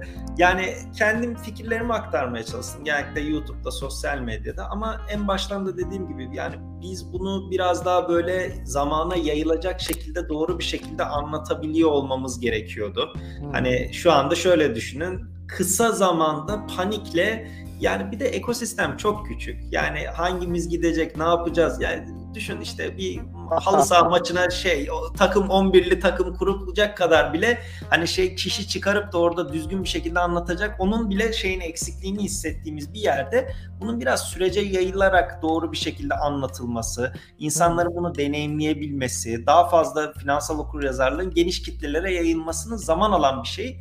Bugüne kadar biraz olması lazımdı. Şu an orada da bir panik var. Hani bir anda işte bir de şimdi arsa işleri sende- falan çıktı. Ben sende şey görüyorum Alp. Yani e, hani bırakın düzenlemeyi falan filan bizim hala bu kripto para dünyasını insanlara yeteri kadar anlatamadığımızı düşünüyorsun. Ben öyle öyle Evet, bir hala, hala- insanların yeteri kadar anlamadığını düşünüyorsun sanki. Evet hala çünkü borsada şu coin çıkmış, bu coin düşmüş, şu kişi tweet atmış, şunun hı. takipçisi çok fazlaymış. Demek ki bir bildiği var. Ben borsada bugün zarar ettim. Kar ettiysem yarın iş yerinde arkadaşa da söyleyeyim o coin'i alsın. Yani sadece böyle hisse senedi gibi o coin'i al, bu coin'i sat muhabbeti üzerine döndüğü için çok küçük bir topluluk e, buradaki gelişmeleri anında takip edip buraya yeterli zamanını ayırıp buradaki bilgiden e, yani faydalanmaya çalışan çok küçük bir topluluk olduğu için e, bu da genellikle yeterli kalmıyor ve sanki bütün olay e, borsada al satmış. Biz bunu nasıl düzenleriz? Buna nasıl vergi getiririz? Ya oraya o ya bu işin yüzde yirmisi bile değil öyle söyleyeyim. Hadi yani merkezi borsaları geçtim. Merkeziyetsiz borsaları ne yapacağız? Yani tamamen merkezi olmayan akıllı kontratlar üzerinde çalışan borsalar var. Yani o taraflara girersek NFT'yi ne yapacağız? Metaverse'ü ne yapacağız? NFT'nin bin bir türlü çeşidi çıkıyor. Şurada az önce bazı, bazı bahsettiklerimiz tamam şakalar, komikler okey de Metaverse tarafında yarın bir gün işte karakterler orada kripto paralarla alın, satın alınan eşyaların saklanması, bunların hakları falan işi dallanıp budaklandırırsak DeFi tarafındaki kredi alım satım platformları işin en basit şeyleri. Ya diyoruz işte play to earn diyoruz. Adam orada yengeçle onunla bununla oyun oynuyor. Gidiyor 5 sene selfiesini çekmiş dolar milyoneri olmuş. Şimdi ya adama Endonezyalıyı bulacaksın 5 sene öncesinin 5 sene geçerliliği kaldı mı? Vergiye tutulacak mı? Tutulmayacak. Ya o kadar dallanıp budaklanacak şey varken sen borsaya x lira at, para kaybedersen git ağla, para kazanırsan da yandan vergisi çıksın ödeye kadar. Hani basitleştirmek gerçekten mümkün değil. Ama bir şekilde de olacak. Yani bir şekilde ilk başta belki İsmail Hocam'ın dediği gibi çok sert bir şekilde başlayıp daha sonra belki düzenlemelerle olabilir. Ya da belki başlangıçta çok hafif başlar. Hani o konularda benim çok öyle bir hani bilgim açıkçası yok. Hani bir uzmanlık alanım da değil. Açıkçası çok o konulara da şey yapmıyorum ama hani Hı hı. fikirlerim de bu diyebilirim. Peki. Ya son şunu söyleyeyim abi. Kod kanun olacak ileride. Code is law. Yani bu kadar basit yani. Hı hı. Ee, devletler falan değil. Kod yani metaverse ya da işte buralardaki işleyişte şey geçecek. Yazılım kodları geçecek. O kadar. Başka bir şey yok. Anladım. Yine e, İsmail Hoca ile başlayıp yine Alp ile e, devam edeceğim. E, son gündem maddem.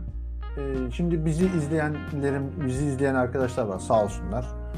Ee, gerçekten merak eden ve buraya ilgisi olan en azından kripto para dünyasında bir şeyler e, araştırarak belki yatırım amacıyla belki başka amaçlarla gerek metaverse gerek NFT e, onlara biz e, bu yayında böyle birkaç kaynak söylesek nereleri söylersiniz? Yani İsmail Hakkı Polat ve Alp Işık kaynaklarının yanında başka kitap olur, video olur, YouTube kanalı olur. Başka nereleri önerebilirsiniz? Nereden başlasınlar öyle söyleyeyim son olarak. Kahraman Uğurlu'nun kanalından başlayabilirler. Teşekkür ediyorum. Beni izlemeye devam edin. evet, Yok, e, şey, Sağ olsun e. Alp Işık'ın kanalı e, bu konuda e, herhalde en külliyatlı arşivlerden bir tanesidir. E, aşağı yukarı yani benim bildiğim en az bir 6-7 senesi var. E, hani e, belki de daha e, şeydir. E, ama 14 galiba. 2014 değil mi hocam? 2014'tü galiba ilk birkaç video. Hı hı, hı hı. Ş- ha, hatta benim 2013'te şeyim var. Bitcoin ile ilgili bizim şey var. Ee, Cemil Hoca, Uğur Hoca, Gökhan Ahi falan e, beraber yaptığımız, Dilara falan beraber yaptığımız Bitcoin programı var ama artık o acayip eskidi. Her neyse. Şimdi ben insanlara şunları söylüyorum. Kaynak önermekten çok. Çünkü kaynak öneriyorsun iki gün sonra Skarta'ya çıkıyor. Ee, Tabii. kaynak önermekten öte keyword önereceğim ben. Anahtar sözcük önereceğim. Ha. Yani mesela blok zincire baksınlar. Blok zincirle ilgili YouTube'a baksınlar. Şeye baksınlar. Ee, ne derler? Ee, işte ee, Google'a baksınlar elbette. Ee, sosyal medya mesela Twitter'dan aratma çok önemli. Hı hı. Twitter'dan aratsınlar. Ee, blockchain aratsınlar. Token aratsınlar. Tokenization aratsınlar. NFT aratsınlar. Mesela cümleyle aratsınlar. NFT neden önemli diye aratsınlar mesela. Ya da İngilizce biliyorlarsa evet. why NFT important diye aratsınlar mesela. İlla ki why is NFT important diye ara- aratmasınlar. Anlatabiliyor muyum? Hı hı, hı Bu üç tane sözcüğü bir araya getirince zaten e, şey yapar. Şöyle bir iki üç sayfa aradıkları zaman zaten istedikleri gibi şeyleri anlayabilecekleri şeyleri görebilirler. Bu aramaları güncel yaparlarsa çok daha iyi olur. İşte zaten keywordler belli işte Metaverse'ü var, Web 3'ü var. E, merkez mesela decentralization, merkezsizlik çok önemli. Bu konuları decentralized architectures, merkezsiz mimariler, merkeziyetsiz mimariler. Bütün bunları aratsınlar. Şey zaten hani e, Twitter'dan kripto para, cryptocurrency, blockchain gibi, e, blok zincir gibi sözcükleri e, şey yapabiliyorsunuz. işaretleyip onlarla ilgili şeyleri her an ekranınıza getirebiliyorsunuz.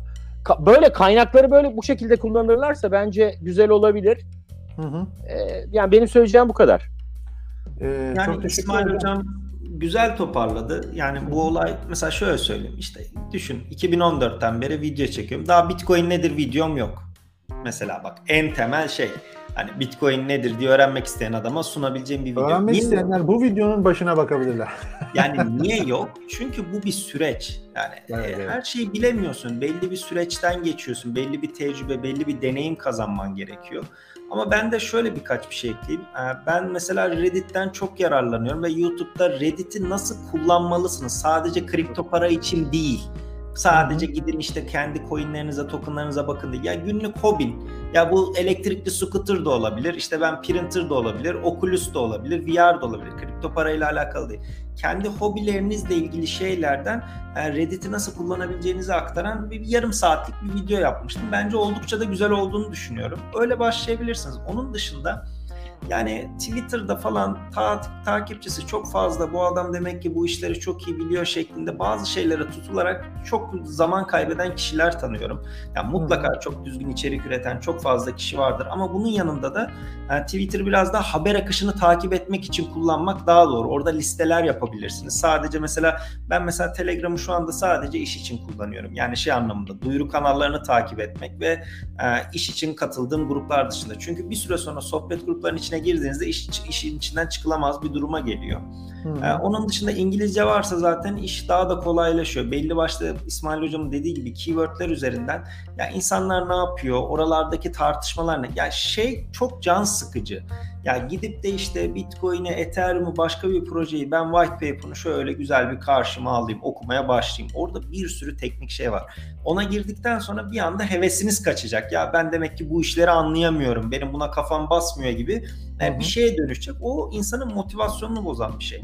Ya birazcık vakit ayırmakla alakalı bir şey bu. Yani size şu videoyu izleyin, şu kitabı okuyun. Ya ben mesela şöyle söyleyeyim. Eskiden mesela işte borsa, finans bu işlere hani Bitcoin'le tanışmadan önce çok ilgili değildim. Ama mesela bir anda böyle işte borsa ile ekonomiyle ilgili bütün filmleri izledim. Bütün yani bildiğim kitapları hani en azından böyle bu işlerle çok ilgilenen kişilerin işte önerdiği belki 50-60 tane kitabı bazılarını 2-3 defa okudum. Yani biraz olay şey illa kripto para ile ilgili bir şey değil. Bunun yanındaki şeylerle ilgili şeylerle de beslemeniz gerekiyor kendini. İşin beyaz yaka tarafının kaçırılmaması gerekiyor. Yani yazılımcı olmanız gerekmiyor. Bakın ben de mesela şu anda ben bilgisayar mühendisiyim ama yazılım kısmında bu işin aslında e, bizzat böyle hani elimi kirleterek açıkçası kod yazan birisi değilim. Ne yapıyorum ama mühendislik bakış açısıyla bazı şeyleri yorumlayıp yani süzgecimden geçirebiliyorum. Burada tasarımcılara ihtiyaç var. Metaverse dediğimiz şeyde o az önce ekranda gösterdiğim bir sürü görselde bunların tasarlanması lazım. Burada product manager'lara ihtiyaç var, yazılımcılara ihtiyaç var, işletme mezunu kişilere de ihtiyaçlar var. Yani burada işin sadece coin al satından ziyade ben bu ilerideki Web 3.0'ın çevresinde gelişecek şeylerde kendim nasıl dahil olabilirim? Bak OpenSea diyoruz. Türkiye'nin en büyük havayolu şirketinden daha fazla para kazanıyor diyoruz. İlk Hı-hı. çalıştığında 8-10 kişilik ofiste gencecik çocuklar. Yani o ekiplere dahil olabilmek, bir şeyler yapabilmek, bunların içerisinde yer almayı hedefliyor olmak lazım. Bunun için İngilizce çok kritik.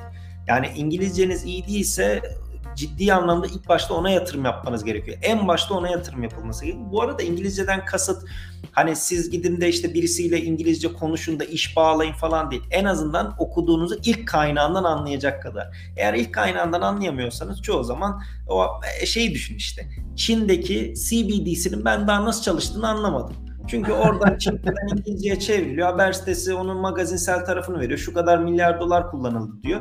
Ya cüzdan neyle çalışıyor? Blockchain hani hiç benim bak açıkçası o kadar anlatıyoruz orada bilgi. El Salvador, El Salvador. Ya El Salvador'da Reddit'te bir tane adam buldum. Adamcağız her hafta başı update diyor. Şu oldu bu oldu. Adama DM'den soruyorum. Hani cevaplıyor bazen cevaplamıyor. Ama şey lazım. işin kaynağından öğrenebilecek kadar en azından okuduğunu anlayabilecek kadar bir İngilizce lazım. E, en başta o yatırım. Onun dışında şey kötü değil. Yani YouTube'dan şu an her şeyi bulabiliyorsunuz ama bir kötü yanında her şeyi bulabiliyorsunuz. Yani bilgi denizi, bilgi şeyin çöplüğün içine de düşebiliyorsunuz. O kadar çok bazen de kaliteli bilgi var ki ömrümüz yetmiyor ona. Hani diyorum ya, ya vakit yok. O kadar kaliteli içeriğe belki ayıracağım vaktin yok. Orada biraz süzmek gerekiyor. E, yazılım kısmı ile ilgileniyorsanız iş biraz daha kolay. Çünkü yurt dışındaki çok büyük üniversitelerin yazılım derslerinin hepsini eskiden şey vardı. iTunes üzerinden izlerdik. Ben yani öğrenciyken iTunes üzerinden bir sürü dersi izlediğimi hatırlıyorum. Sonra YouTube'a taşındı falan. E bunlar şey yani İngilizce altyazı. Süper. Bu arada Google Translate çok gelişti. Eskiden Google Translate ile dalga geçilirdi. Şu anda Google Translate çok ciddi işinizi görebilecek bir konumda. E bilmiyorsanız da bir şekilde çevir. Yani öğrenmek istiyorsan, buna vakit ayırmak istiyorsan hiçbir bahanen yok. Şu anda her şey senin önünde açık. Bravo. Hele, hele Seni zaten YouTube işte. kanalında takip etseler yeterli bence de. Yani YouTube'dan takip etse şey yapsın ama yani dediğim gibi illa yazılımcı ol. En çok sorulan soru o çünkü. Yani siz burada yazılımcılar çok para kazanıyormuş. Ben nereden başlayabilirim? Ya sen kendi mesleğini buna nasıl entegre edebileceğini yap. Çok Doktor güzel. musun? Bak İsmail Hocam ne güzel az önce örnek verdi. Belki Metaverse'den böyle bu işlerden anlayan bir arkadaşın olur. Doktorla, tıpla orada bir şeyi bağdaştırırsın. Kendi sevdiğin işi yaparsın. Yoksa sırf başkası çok para kazanıyor diye o işi yapmak zorunda kalmamazsın. Yani kendi işine entegre edebiliyor olman lazım. Ama dediğim gibi ilk başta zaman yatırımı ve biraz da e, çok fazla bilginin içinde doğruyu nasıl bulacağını herkesin öğrenme biçimi farklıdır. Bazısı Udemy'den aldığı 29.90'lık kursla e, çok güzel bir sürü şey öğrenebilir. Yapabilir. Evet, o da bir o da bir kaynak olabilir. Ya YouTube yani şey işte ya yazılım derslerinin çoğu işte YouTube'a düştüğünde genelde Hintli birinin anlattığı İngilizce altyazıyı açardık izlerdik. Yani şu anda her şeyin YouTube'da kaynağı var. Ama evet. yeter ki doğru kişileri takip etmek ve dediğim gibi bir şey... Alp takip edin diyoruz nihayetinde. Aynen benim günlük özetleri takip etsinler. YouTube kanalı var. Yeter, 30 saniyede işi bitiriyoruz. Takip ederseniz İsmail Hoca'yı da takip edin. O zaten e, günlük olarak gündemle ilgili çok güzel yazıları var. Şimdi e, sevgili Alp Işık, sevgili İsmail Hocam yayınıma katıldığınız için çok teşekkür ederim. Tam 2 saat olmuş. 2 saat olmuş. Aynen. Değerli izleyenler sizlere de e, çok teşekkür ediyorum. Sağ olun. Değerli vaktinizi ayırdınız. Bizleri izlediniz, yalnız bırakmadınız. E, eğer e, benzer yayınlarla ilgili önerileriniz olursa lütfen yarı- yorum yazın. E, Alp Işık'a Twitter'dan, İsmail Hoca'ya yine Twitter'dan, bana da yine Twitter'dan ulaşabilirsiniz her konuda. E, izlediğiniz için çok teşekkür ederim. İsmail Hocam çok teşekkür ederim geldiğin için. Ne demek? Ben teşekkür ederim. Sağ olasın. Alp tekrar teşekkür ediyorum. Ben Sağ olasın. Değerli vaktini ayırdın. İki saat saatini aldık. Artık e, şöyle güzel bir karamel macchiato borcum olsun sana. tamam. Sevgili dostlar çok teşekkür ediyorum. Sonraki canlı yayınlarda görüşmek üzere. Kendinize iyi bakın. Görüşmek üzere.